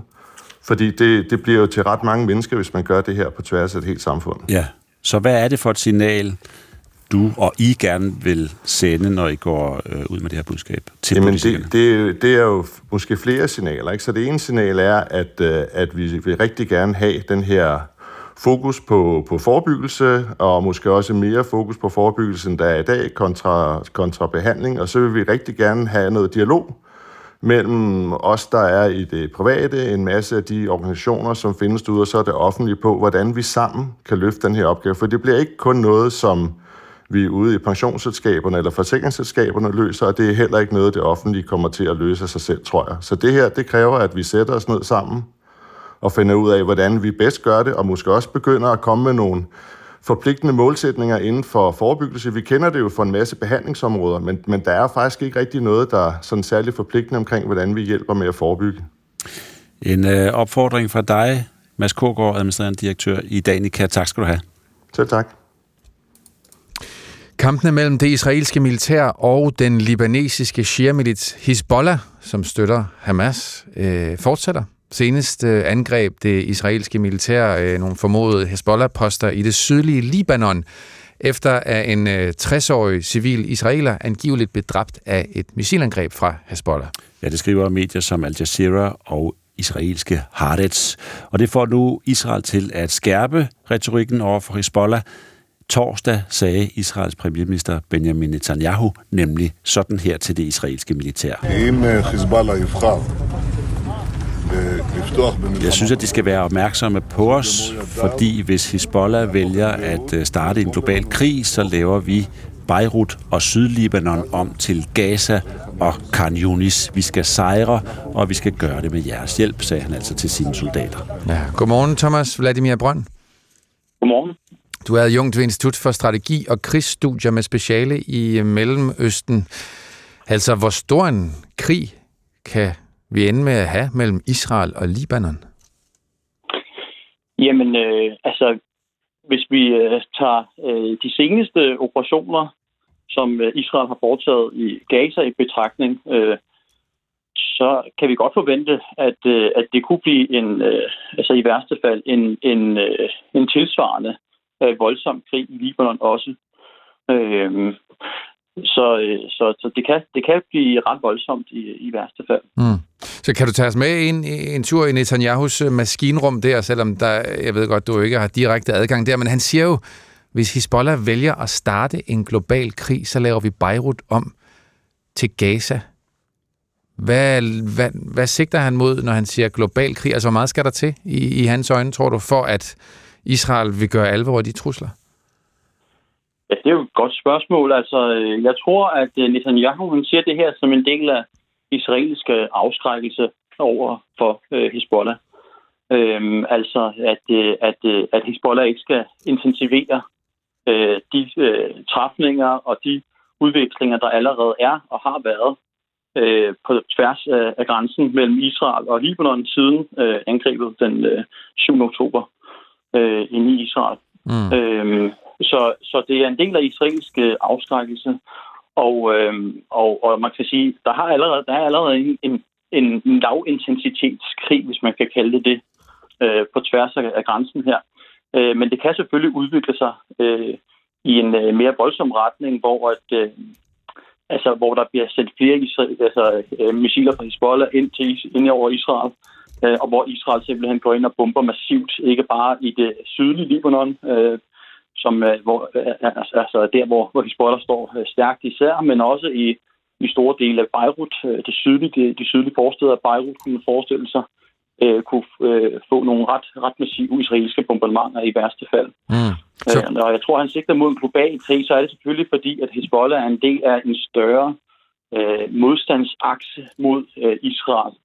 Øh, så vi har altså også set øh, angreb på øh, øh, amerikanske stillinger i Irak og Syrien øh, fra i, øh, irakiske militser. Øh, og vi har også set øh, angreb fra Houthi-militsen i Yemen øh, øh, mod Israel.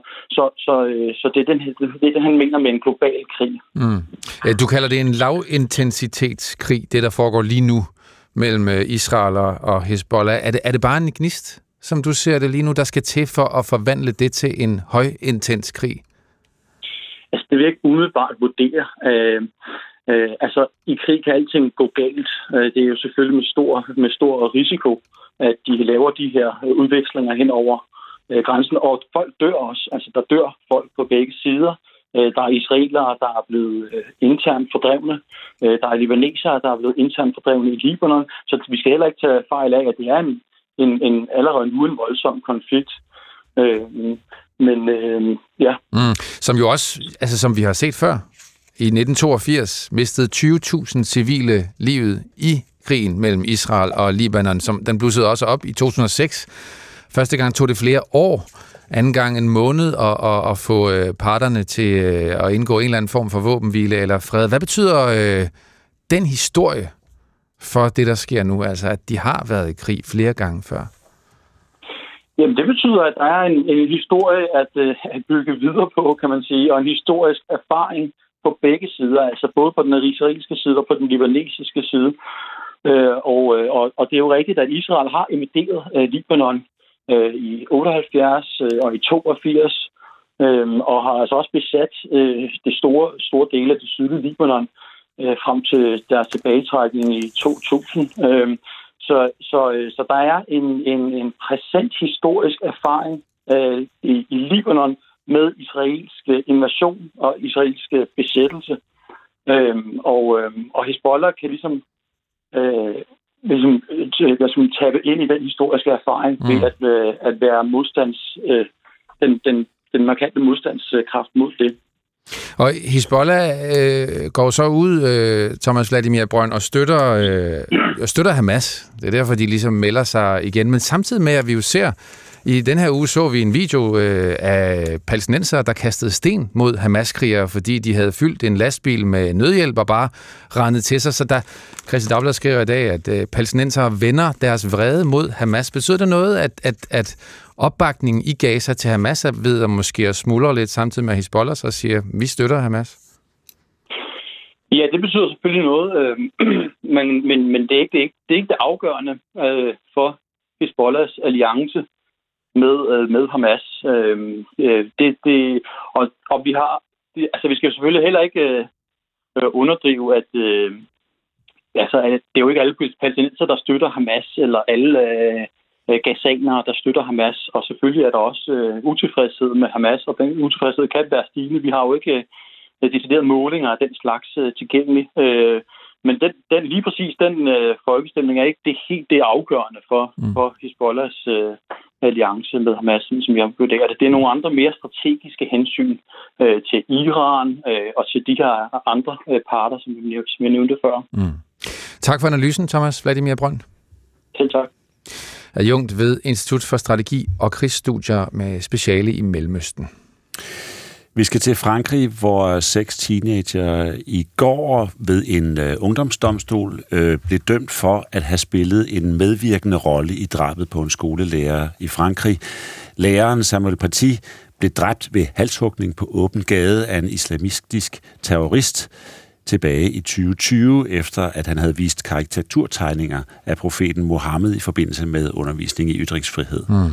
Fem af de øh, dømte øh, som var 14 og 15 år på tidspunktet for drabet, er fundet skyldige i at udpege og identificere læreren for drabsmanden, øh, som efterfølgende i øvrigt blev dræbt af politiet. Under retsmøderne har teenagerne sagt, at de ikke vidste, at læreren ville blive dræbt.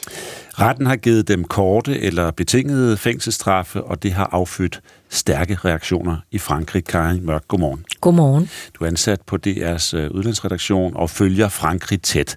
Hvordan har familien Samuel Paty reageret på de her domme? De har øh, reageret med stor skuffelse. Øh, ifølge deres advokater, så reagerede moren i går, Samuel Patis mor, ved at sige, at hun var simpelthen forfærdet.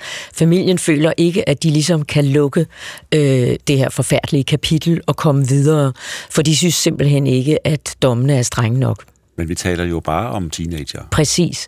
Og det er der jo selvfølgelig også, det sagde dommeren jo også, at de havde taget i betragtning øh, alderen og øh, omstændighederne. Øh, men det ændrer ikke på, at øh, mange synes, at de er, øh, altså uden deres medvirken, så var drabet nok ikke sket. Øh, og øh, det synes de altså, at der skal sendes et meget, meget stærkt signal om til andre islamistiske forældre og unge, at det går simpelthen ikke, at man er medvirkende øh, ved at udpege en lærer. Og, øh, og, og, og på den måde, ja, ja. medvirker ja. Til, til, kan medvirke til et drab. Og undskyld, jeg vil også bare sige, at, øh, at de, de, de, du, som du siger, de vidste ikke, øh, at, at han ville gå ud og dræbe øh, selvfølgelig læreren. Men det var jo kendt af alle, at, øh, at læreren var truet Læreren gik selv med en hammer i rygsækken, hvilket jo desværre ikke hjalp ham. Men øh, det var en kendt sag, at han var truet. Så virkelig øh, omdiskuteret det her. Eksperter har også reageret, det, reageret på det her. Øh, øh, hvordan, hvordan læser du, hvordan bliver den her dom læst i Frankrig generelt? Ja, altså den går jo ind i en, øh, en situation, hvor øh, der er krig mellem Hamas og Israel. Så der er også det fokus, at øh, med den store muslimske befolkning, at øh, den her øgede polarisering i Frankrig mellem øh, islamistiske muslimer og, øh, og franskmænd, men også at øh, Frankrig jo i mange år, og gør det ikke mindst nu, lever under øh, stor øh, fare for yderligere terrorangreb, især fra islamistiske øh, muslimer. Man kan sige, at det er en meget principiel dom, den her. Øh, hvad, hvad, fører den med sig? Ja, altså, den fører øh, det med sig, at øh, der vil blive diskuteret også i fremtiden nu, øh, hvorvidt man kan, ja, hvad skal vi sige, straffe folk for medvirken til terror, øh, og også altså mindreårige, når, fordi en del af dem er jo stadigvæk under 18. Øh, men altså man kan sige, at øh, det, det, er, det vil, vil være interessant i lang tid, fordi der kommer også en retssag til næste år mod otte øh, øh, voksne, som også er øh, sigtet øh, for medvirken til terror. Det og det venter man jo som, med spænding. Det er en sag, som man kan sige fylder noget i Frankrig, har straks over, over lang tid og det kommer gør til at gøre det Det gør den. Øh, Du taler om den her voksne polarisering i Frankrig.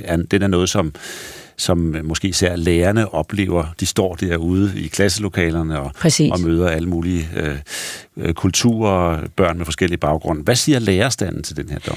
Altså, jeg har talt med lærere og øh, skoleledere, som, øh, som synes, at de ikke får nok beskyttelse, fordi de står, som du siger, i forreste linje øh, i kontakten med øh, islamistiske forældre, altså øh, radikaliserede øh, unge og forældre. Øh, og de synes ikke, de får nok øh, beskyttelse og støtte fra myndighederne. Karin Mørk, tak for at komme ind til os. Selv tak. Karin Mørk, som altså er ansat på DR's udlandsredaktion og følger Frankrig tæt.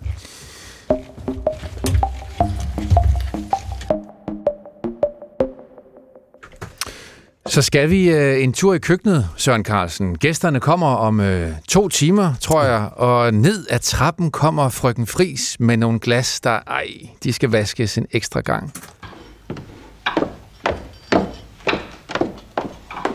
Det her, det er om igen. Åh, det er vel noget Bruno, hun har fundet på.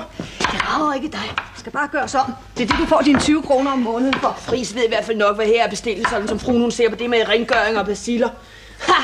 Det er ved børnene, de skal koges, før de skal i seng. Så er det godt, Agnes. Du skal ikke sige den slags ting til frygten om hendes egen søster. Det med nøglehullerne, der har frøken Fris i hvert fald nok fået et slag til fælde. Hvilke nøglehuller? Alle nøglehullerne. Det er der ikke noget at tale om nu. Se nu at blive færdig. Da de var rejst på ferie, fandt hun. Altså, fruen ud af alle nøglehullerne, de skulle renses med sprit og vaskepinde. Ligesom børnenes ører. Ja, der bliver virkelig hakket grøntsager her. Det gør der. Det er gulerødder. Det er lyden af Lise Nørgaards og Erik Ballings øh, tv-serie Matador, og i, øh, i køkkenet er Agnes, Laura og Elisabeth. Det er over 45 år siden. Ja, og nogle af os kan huske det fra den gang, sad og så det derhjemme i familien. Gjorde du det? Kan du huske din første oplevelse tro. Matador? Jeg, jeg, var, jeg var teenager, så jeg, jeg fulgte ikke super meget med. Jeg havde jo andre ting at foretage mig lørdag aften. Men, øh, men jo, den kørte på skærmen, og indimellem så sad vi derhjemme og så den. Mm. For 45 år siden. Men interessen, kan man sige, den er langt fra stoppet. Der er kommet både podcasts, bøger, talkshows, og så alle de mange genudsendelser. Og så har mange fået tradition for at gense netop serien her i december som en form for juleserie, fordi den foregår i 24 afsnit. Ja, det gør vi faktisk også. Vi nåede lige præcis til det her afsnit, det derfor jeg lige Ja. fandt det frem. Og så og selvfølgelig også fordi, at øh, vi har Agnes med i studiet. I, Ja. i, sin, øh, I sin rigtige skikkelse af dig, Kirsten Olesen. Ja, Velkommen. Tusind tak for det. Og du er her, øh, og det er ikke fordi, at vi, øh, at vi ser den derhjemme, at jeg har tænkt, at vi skulle have den med her. Det er fordi, der er kommet en ny bog, De stærke kvinder fra Matador, en samtalebog med fire centrale kvinder i, øh, i, i serien. Malene Schwartz, der spillede Maud, Gita Nørby, der spillede Ingeborg, Sonja Oppenhagen, der spillede Hagen, ja, undskyld, der spillede Vicky, og så dig. Øh, og nu hørte vi lige her, Kirsten Olsen, afsnittet, hvor Agnes står i køkkenet. Det er jo før, hun bliver iværksætter og direktør, men hun er alligevel ret åbenmundet i sin guldrødshakning her. Hun er ret uforfærdet og uimponeret, kan man nok sige. Ja, hvad, hun- hvad får dig til at tænke om Agnes allerede her som stærk kvinde? Altså, jamen man kan jo mærke så tydeligt, at Lise Nørgaards hjerte banker for kvinderne og kvindernes vilkår.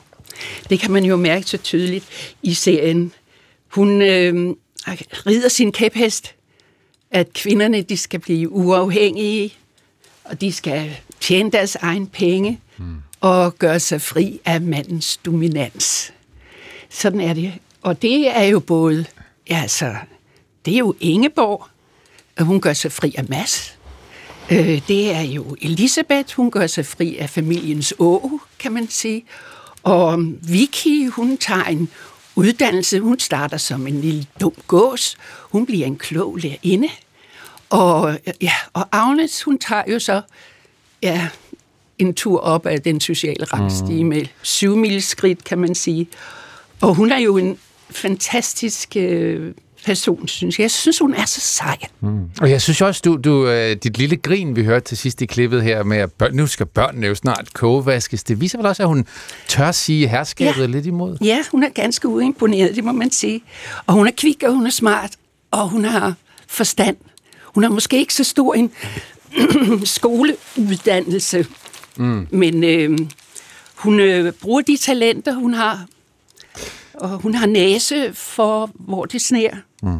Og hun har begge fødder på jorden, hun har fornuft, og hun er god til at se muligheder i livet. Vi har også dig med, øh, Jakob Vendt Jensen. Godmorgen. Ja, godmorgen. Du er forfatter til den her bog, De stærke kvinder fra øh, Matador. Du har skrevet den sammen med Christian Mongård. Ja. Hvorfor er det øh, interessant i, i dit perspektiv at tale om netop kvinderne her fra serien? Jo, men altså, jeg vil godt, man kan sige, hvad, hvad, hvorfor er Matador interessant i det hele taget, men lige det med kvinderne. Lise Nørgaard ville jo gerne beskrive Danmark i 20'erne, 30'erne og 40'erne, og hvad er det, der sker i samfundet der? Ja, mændene, de står sådan nogenlunde stille, øh, men det er kvinderne, der udvikler sig mest. Det er der, de kommer i hvert fald ansat sig til, at de kommer ud på arbejdsmarkedet, og de, de, de, de, det er simpelthen der, øh, Lises ankerpunkt ligger i den måde, hun skriver på. Øh, allerede da hun skrev Huset på Christianshavn, en anden DR-klassiker, der skrev hun kvinderne op mod mændene, og det gør hun så fuldblåen i Matador, og det gælder dem alle sammen. Der er fyldt med stærke kvinder og lidt skvattede mænd, kan vi godt sige. Men hvad, hvad er der at sige i dag, som ikke blev sagt af, af kvindernes øh, figurer dengang? Jamen, jeg tror, at dengang man sad og så Matador der i slut 70'erne, starten af 80'erne, og sikkert også de første par genudsendelser, der, var jeg, der havde jeg i hvert fald ikke bevidsthed til at se, hvad der var inde i serien. Der opfattede jeg det meget som underholdning og øh, store skuespillernavne, der fik en, øh, en, en ny runde i Manesien, og så nye spændende navne, som Kirsten Olesen jo var dengang for eksempel, ikke? og Kurt Ravn. Øh, så jeg så det som underholdning. Så det er først senere, jeg har gravet mig ned i øh, materien. Hvad, hvad er det spændende? Så, så jeg vil sige, hvis, hvis, hvis Matador kan klare en, en runde mere med næsen, så er det den, den, den spidse vinkel i forhold til kvinderne, øh, ja, som så blev til det her sceneshow med de fire kvinder, som så er blevet til en bog. Det synes jeg, det, det er spændende, fordi det taler vi jo stadigvæk om. Kvinderne mangler jo stadig det sidste nyk i, i ligestillingen, og nu er der sikkert nogen, der smider med kaffekopper og alt muligt derude, men det, det, det gør vi jo, så, så det er jo stadig aktuelt. Kirsten Olsen, din uh, karakter, uh, Agnes, kan man sige, er nederst i hierarkiet i Korsbæk, den her fiktive sjællandske by, hvor Matador foregår. Du bliver citeret i bogen, som Jakob har skrevet, for, uh, der er du citeret for at sige, jeg kender Matador personligt. Mit Korsbæk er en lille by, Odder, i Jylland, hvor jeg lærte, at det, hvad det vil sige at være upstairs and downstairs. Og så fortæller du videre om din farmor og mormor og deres position i samfundet. Vil du prøve at forklare, hvad det er ved Korsbæk, som du genkender så godt? Øh, ja, øh, hver sommer, så rejste vi fra København. Jeg boede i Hvidovre i et lejerbo-kompleks, og øh, hver sommer så tog min søster og min fætter og jeg med toget, med vores undulater og skildpadder, øh, tog vi over til min mormor og morfar. Ja som boede i Odder. Og de boede i et kæmpestort hvidt hus. Og de havde en kæmpestor have. Og der var så meget plads til os. Og vi følte os meget frie derovre. Og vi kunne synge og lave revy, og vi kunne lave sjov derovre. Der var plads til at udfolde sig. Men når vi rigtig skulle have det sjovt, så gik vi op i hovedgaden. Ned ad trappen til øh, min farmor som havde et øh, fransk vask og strygning, kaldte hun det. Og øh, altså, hun havde et lille vaskeri. Hun var vaskekone? Hun var vaskekone, og hun havde sin grukæde nede i gården. Og sådan en hånddrevet vridemaskine. Så du kom i begge miljøer, kan ja, man sige? det gjorde jeg. Altså hos din mormor og morfar, ja. som, havde, som var velbeslået? Absolut. Og hos din farmor, som ikke var det? Har det, Kirsten Olsen, har det at, at spille Agnes, har det fået noget øh, frem i dig også? Har hun smittet dig med et eller andet, som hun kan? Øh, nej, men altså, øh, jeg vil ønske, hun havde smittet mig lidt mere. Okay. Fordi jeg er absolut ikke Agnes. Men øh, jeg låner hendes stemme, jeg låner hende min krop og min fantasi og min øh, seksualitet og sensualitet. Øh, det er jo, hvad jeg kan lægge, og min, ja, Men hvad vil, du ønske, erfaring. hvad vil du ønske, at hun havde smittet dig med? Åh, hendes øh, livsmod, mm. hendes positivitet, hendes uforfærdighed. Det vil jeg gerne. Jeg har været meget mere nervøs og angst for ikke at slå til. Agnes, hun tror på sig selv. Hun lytter til sig selv og sit hjerte. Jamen allerede fra første billede i serien, øh, det, det foregår på hovedgaden i Korsbæk, hvor Arnold fra Damernes Magasin bliver sendt ud for at lufte den lille hund, og der møder vi Agnes i hovedgaden, der står og griner lidt af den måde, han bliver holdt nede i hierarkiet over på den anden side af gaden på. Ikke? Og, og jeg vil sige, Lise, Lise Nørgaards talent lå jo i at udstyre alle de her karakterer i Matador med, med, med, med hver deres stemme. Og jeg vil sige, i Agnes tror jeg, der ligger ret meget af Lise selv, fordi Lise var om nogen super ukulig. Og, og, og altså Agnes, det, det, det tænker man ikke over første gang, man ser serien, men, men hvis man genser den forfra, så kan man godt se, at der er krummer i hende. Hun skal sgu nok komme til tops. Øh, ja. Mm, hun tør grine, og hun ser det sjove i ting. Mm. Liberal Alliance sagde engang i en tale, øh, nej. hvis Agnes var født i San Francisco, så havde hun været Uber-chauffør. Ja, det, det er et hot take. Øh, Den, den må stå for deres egen regning. Jeg, kan- jeg kan godt se, hvad, hvad de mener med det, men øh, wow, ja, tak for den. Så det er med bare at gribe den chance, man får at gå ud og tjene sine første kroner. Nå, men det, at jeg, jeg, tror, jeg tror, i begyndelsen tror jeg ikke, hun ved, hvor, hvor, hvor, hvor Nej. bæredygtig og genial hun er, men, men hun kan ligesom i hver enkelt situation, så kan hun se, hov for søren, nu er der brug for at sy nogle øh, strømper på en bestemt måde. Hov for søren, nu kan vi skrive festsange. Hov for søren, nu kan vi det. Hun er virkelig god til at tage chancen, når den byder sig. Så derfor ender hun jo op og bide skære med, med, med, hvad hedder det, maskeren faktisk. Ikke? Øh, Kirsten Olsen, dengang I lavede serien, hvor ja. bevidste var I om, at det i virkeligheden var kvinderne, det hele handlede om? Det vidste vi sådan set ikke rigtigt. Det var, ikke, det var vi ikke bevidste om på nogen måde, fordi vi selvfølgelig læste vi hele stykket, men vi koncentrerede os jo om vores, vores små scener og vores egen rolle. Det var først, da det hele blev klippet sammen, at vi så, at det var kvinderne, der drev forandringen og fremskridtet frem. Øh, det, øh, jeg, jeg tror ikke, øh, at der var nogen af os, der var, øh, havde det overblik på hele serien, så vi kunne sige, at det Og vi er i gang med at lave en historie om en Nej. lille by i provinsen Ja, øh, i, i mellemkrigstiden, men i virkeligheden var det en historie om kvindernes Kvinderne. frigørelse. Ja. Og der er jo en særlig grund til, at det er Kirsten Olesen og Agnes, der kommer til at fylde noget, hvis jeg lige må byde ind, og det at give en kado til Kirsten, det er jo det der med, at hun faktisk spillede rollen utrolig godt. Så Balling, han så jo potentiale i at vise Agnes noget mere frem, så hendes rolle får fylde øh, mere end det egentlig var planlagt oprindeligt. Mm. Kirsten Olsen, du har mange citater med i bogen. Et andet er, at øh, det er som om, hver gang serien genudsendelse, så bliver Matador en større og større del af vores selvopfattelse. Hvordan, hvad, hvad, hvad mener du med det? Altså, vores selvopfattelse som dansker og vores danske historie. Der er jo mange, der næsten tror, at Matador er et sandt historisk billede. Altså, man bruger jo også øh, Matador til at integrere folk til den danske kultur. Øh, men man må jo ikke glemme, at det er Lise Nørgaards Danmarks historie. Det er hendes blik på borgerskabets historie og hendes øh, lune, der slår igennem, og hendes skarpe pen. Ikke? Det er jo en fiktion, og det har kun, øh, skal vi sige, øh, som ramme har vi jo den, øh, den tidsmæssige historie omkring, men ellers ikke. Ej, der har været lidt en tendens til at sige, at ja. Matador er vores historiebog, og det er at overdrive dens betydning.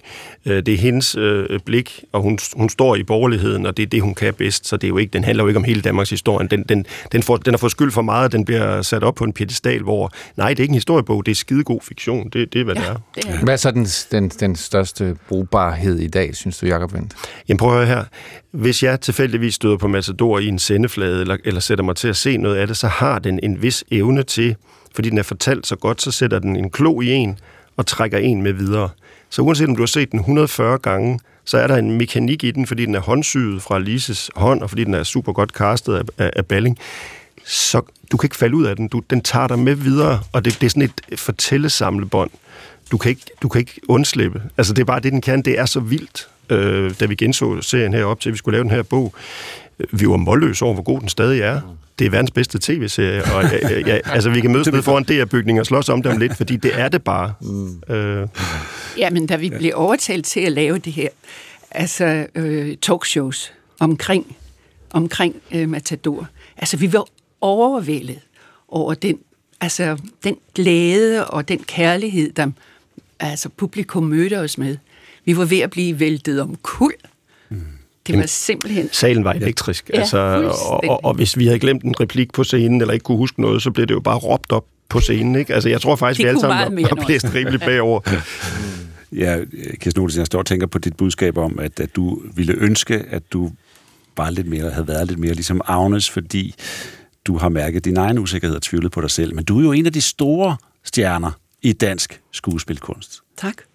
Så hvad er det, unge piger skal have med sig, når de hører dig sige det? Jamen, de kan jo nok... Øh, de, de bliver jo... Alle, alle børn bliver jo bedt om at tro på sig selv og lytte til deres mavefornemmelse, som det hedder i dag, i hvert fald deres indre fornemmelser, og gå efter dem.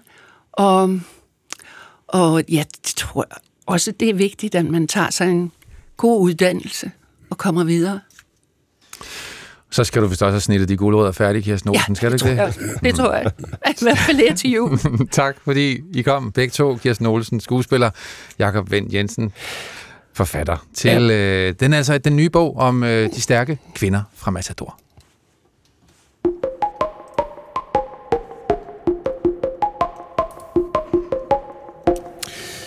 Vi skal øh, til Dubai, hvor øh, forhandlingerne ved klimatopmødet COP28 er på vej ind i sin afsluttende fase. De har forhandlet i halvanden uges tid, og forleden var den danske minister for globalt klimasamarbejde, Dan Jørgensen, ude at sige, at han frygter, at det ender med en ordentlig maveplasker. Så lad os komme ned til dig, Steffen Kretz. Godmorgen. Godmorgen. Det er jeres internationale korrespondent med os fra Dubai. Du har fulgt øh, klimatopmødet. Prøv lige at begynde med at øh, give os et øh, stemningsbillede her. Altså 84.000 mennesker fra hele verden er samlet. Det er ny deltagerrekord. Men det er jo ikke kun politikere og grønne organisationer, som har rejst til Dubai. Hvem er de mange, som er strømmet dertil i år? Ja, der er virkelig mange, og når man går rundt på øh, området, hvor konferencen bliver afholdt, så ser man hele verden samlet. Øh, og det, det er faktisk sjovt, fordi der er mennesker fra hele verden, øh, og mange kommer møder op i deres nationale øh, øh tøj og dragter osv. Så, videre. så der er 10.000 vis af embedsfolk og forhandlere selvfølgelig, de har været her hele tiden. De er dybt optaget af at flytte ord og tegnsætning rundt i det, der skal ende med at blive et slutdokument. Så er der masser af politikere, der er nogen, der skal vælges igen, og de vil meget gerne fremstå som en succes, uanset om den succes eksisterer i virkeligheden eller ej her på klimatopmødet. Så er der andre nationale ledere, som ikke behøver at spørge deres befolkninger til råds, og de nyder bare at træde op på den store internationale øh, scene. Så er der tusindvis af lobbyister fra olie- og gasindustrien. De er her, fordi de forsøger at distrahere os alle sammen fra det vigtigste problem i verden, som jo er netop, at vi skal holde op med at bruge deres produkter. Så er der NGO'er, der er aktivister, som vil det modsatte, og så er der massevis af firmaer, som mener, de har klimaløsninger. Det her, den her konference er faktisk en lobbyfest, hvor virksomheder fra hele verden øh, tager herned for at møde den politiske magt, og hvor investorer er her for at søge gode idéer. Så klimatopmødet er også en, en lobbyfest. Men målet er jo så altså stadig at finde en øh, politisk løsning på den globale opvarmning. Hvordan går det med det?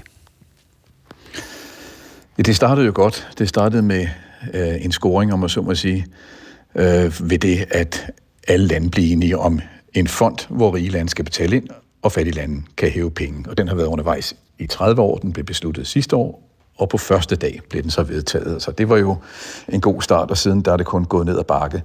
Og det, man forhandler om nu, er jo, hvad der skal stå i den endelige aftale. Og det vanskelige, som ved hver eneste konference af den her art øh, i FN-regi, er, at alle skal blive enige. Altså helt enige. Så det vil sige, Vanuatu, en lille østat, der er ved at drukne i havvandstigninger på grund af klimaforandringer, og Saudi-Arabien, som jo bærer et ret stort ansvar, fordi de er en af verdens største olieproducenter, de skal blive enige. Og det er utrolig svært. Så det, der ligesom var hvad skal vi sige, ambitionen med den her konference, og grunden til, at, vi, øh, at den er blevet omtalt som den vigtigste indtil videre, er jo, at verden er på vej mod katastrofale ændringer i klimaet, det siger videnskaben. Målet var at nå en aftale om at blive enige om, hvornår vi kan holde op med at brænde sort energi af. Men det mål ser ud til at være meget, meget svært at nå. Hvorfor det, Steffen Kretz? Ja, det er fordi, der er tre hold, øh, som skal spille sammen her. Men det er tre hold, for at nu blive sportsterminologien, som har hver deres taktik og hver deres mål.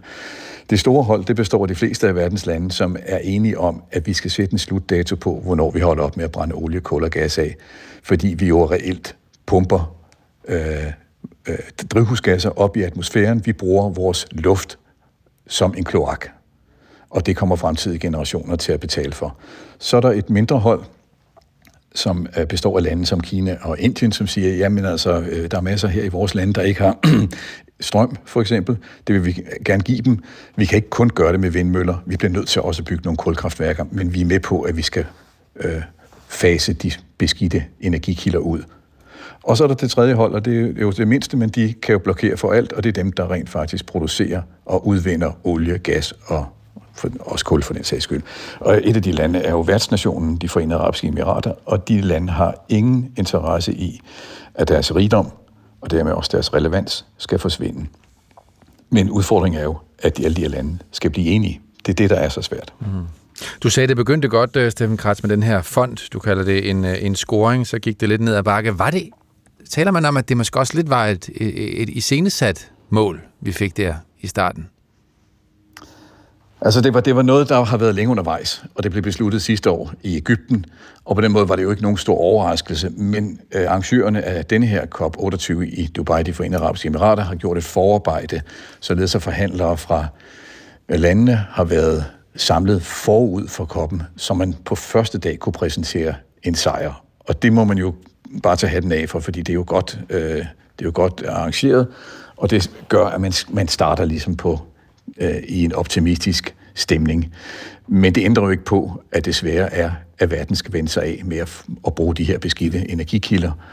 Og det er så svært øh, at blive enige på den her COP-konference, fordi reglerne er så FN-agtige, at alle rent faktisk kan blive enige. Og det er der, det, det er det, der er det springende punkt. Så man kan sige, det måske viser det sig, hvis man ikke bliver enige, at FN's COP-konferencer rent faktisk har udspillet deres rolle, fordi man ikke kan blive enige om det vigtigste. Men det, som eh, COP-konferencerne trods alt kan, er, at vi alle sammen en gang om året bruger en masse energi på at tale om klimaet, på udfordringerne, på videnskabens resultater, på løsninger osv. Og det har jo ført til, at klimaspørgsmålet i virkeligheden er blevet måske den største sociale bevægelse i verden. Jeg tror ikke, man kan finde et land, hvor der ikke er klimaaktivister, hvor der ikke er masser af unge mennesker, som er engageret i at handle. Så på det niveau, der kan man sige, at COP-konferencerne virkelig har deres berettigelse. Og nu har de, øh, om ikke andet, et par dage endnu at forhandle i. Tak skal du have, Steffen Kretz. Til tak. Det er jeres internationale korrespondent med os fra Dubai. I've paid my dues time after time. I've done my sentence, but committed no crime. And bad mistakes, I've made a few. I've had my shifts and kicked in my face, but I've come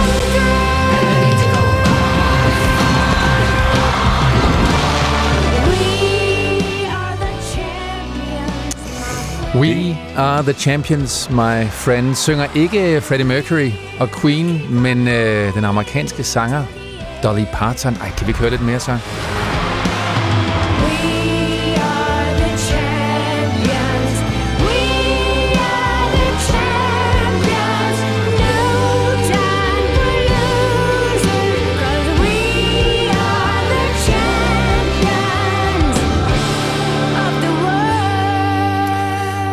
Ja, det er det amerikanske tv-selskab NBC, som har lavet en musikvideo med den her coverversion af We Are The Champions, hvor de varmer op til OL i Paris næste sommer.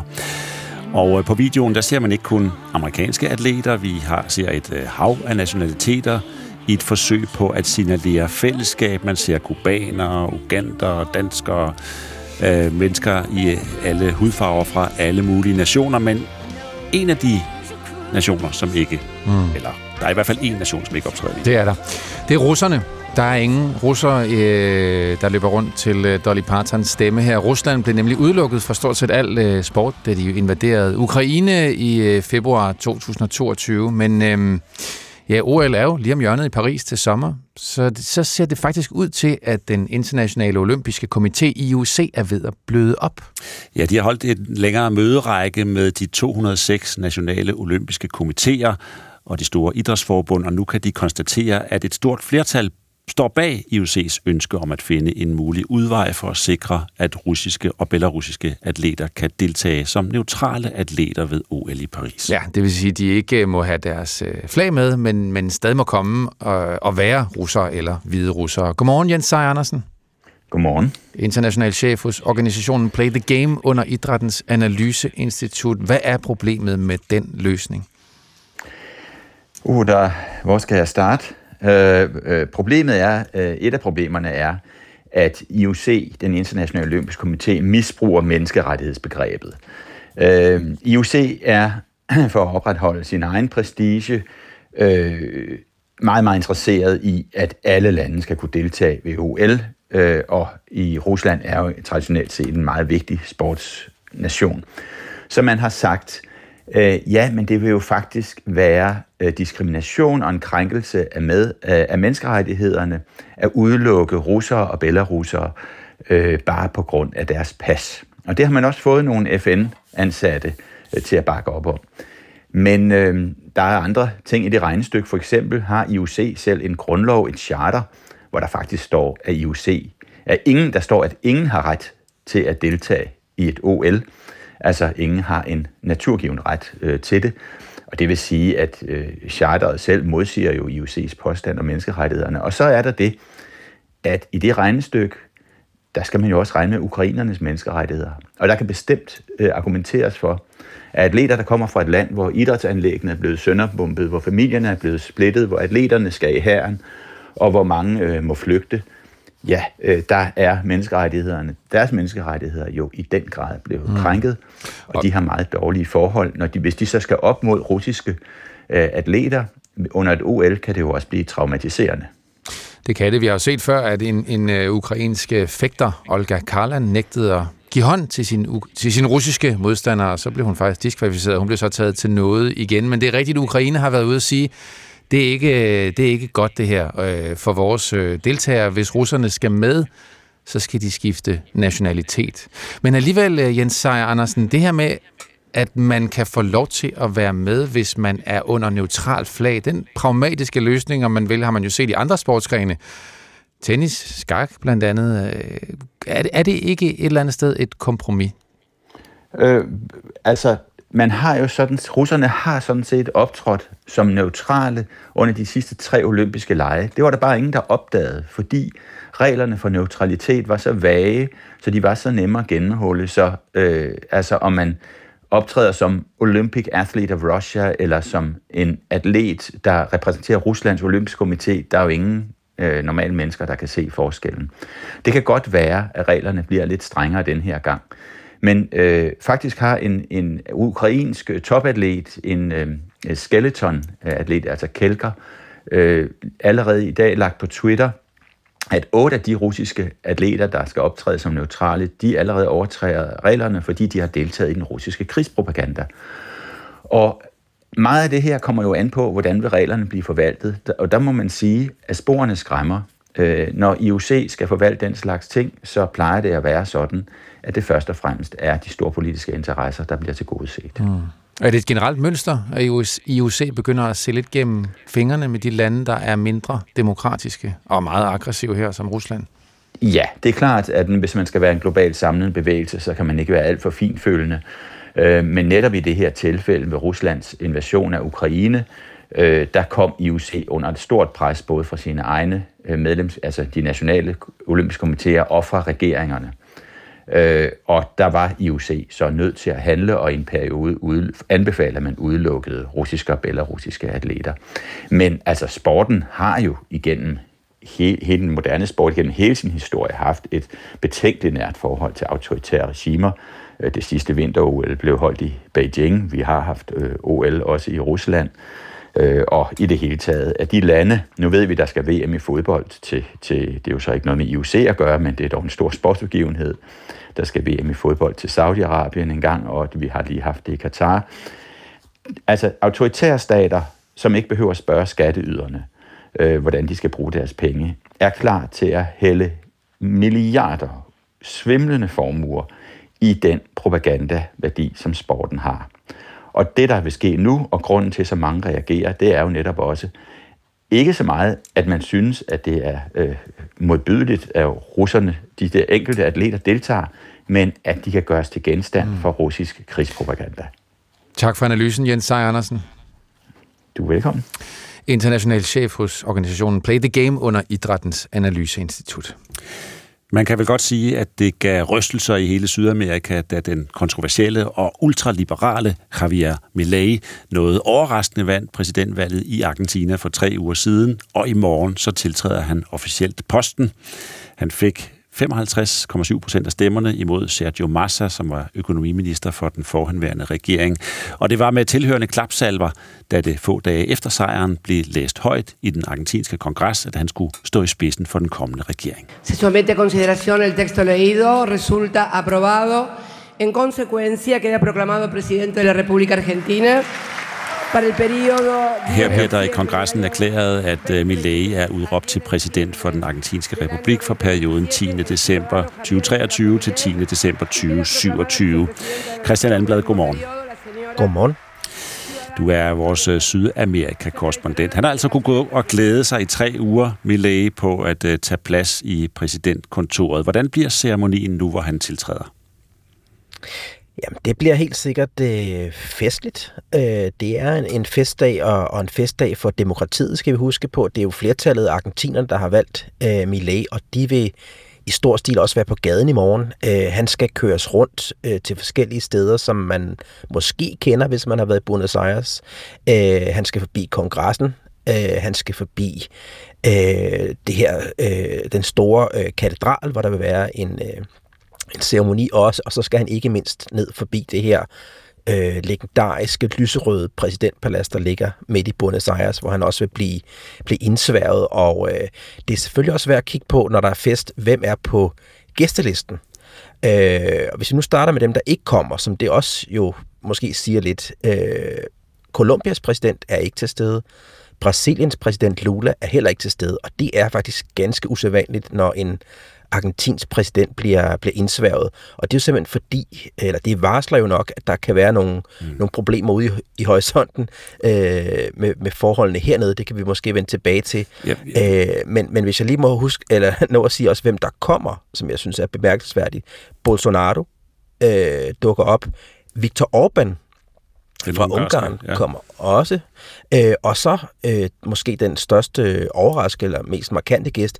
Altså alle øh, argentinske medier har i flere dage skrevet, at Zelensky fra Ukraine vil, øh, vil ankomme okay. til stede. Og det er selvfølgelig ganske bemærkelsesværdigt. Christian Blad, vi har ikke øh, mange minutter før, der kommer radiovis, men øh, nu er han så øh, valgt ind øh, og bliver præsident. Han skal indtage præsidentkontoret. En mand, som har turneret i sin valgkamp med en motorsav, fordi han vil rive alting stort set fra hinanden i det, i det øh, argentinske politiske system. Men hvor meget af sin politik kan man regne med, at han kommer øh, igennem med? Jamen, jeg tror, han vil øh, tegne et helt nyt Argentina. Han vil lave Argentina om. Øh, det har været meget diskuteret det her, om, om øh, dollaren skal erstatte pesoen. Det vil være en manøvre, som jeg tror, han ikke kaster sig ud i lige med det første. Det er en meget voldsom manøvre. Øh, men han vil også være en mand, der tegner et nyt Argentina udad til, som jeg antyder med den her gæsteliste. Øh, han er fra det yderste højre, og det er... Øh, øh, i modsætning til resten af kontinentet stort set hernede, øh, gør, at Argentina vil få øh, et mere problematisk forhold, forhold til sine nabolande. Det er også et land, som har lagt sig ud med Kina, eller Millet øh, øh har sagt, at han vil fryse øh, relationerne til Kina, og til gengæld vende sig mod USA og Israel. Så det er et, øh, et nyt Argentina, der tegner sig fra i morgen. Er der bekymring i landet? Jamen, der er også glæde. Mm. Øh, dem, der har stemt på Millet, de glæder sig til, at der skal ske noget nyt. Men der er altså også mange argentiner af dem, jeg kender, som er bekymret for, hvor store omvæltninger bliver det. Øh, det er et land, som har en skrøbelig økonomi i forvejen. Øh, de ting, som Millet har lovet, vil det kaste Argentina øh, ud over afgrunden, eller vil det skabe en ny økonomi? Det er øh, fuldstændig uvæsentligt i øjeblikket, og det, det gør selvfølgelig, at mange argentiner øh, går med sådan lidt, lidt bekymrede øh, miner og lidt bange anelser. Men altså også glæde og fejring, når han øh, bliver indsat, øh, Javier Millet. Tak skal du have, Christian Landblad. Selv tak. Som er DR's Sydamerika-korrespondent. Det var Mette Dalgaard, der stod i spidsen for det hold, der havde sat øh, udsendelsen sammen. Og her i studiet, tak for det, Søren Carlsen. I lige måde, Morten. Gå på opdagelse i alle DR's podcast og radioprogrammer. I appen DR Lyd.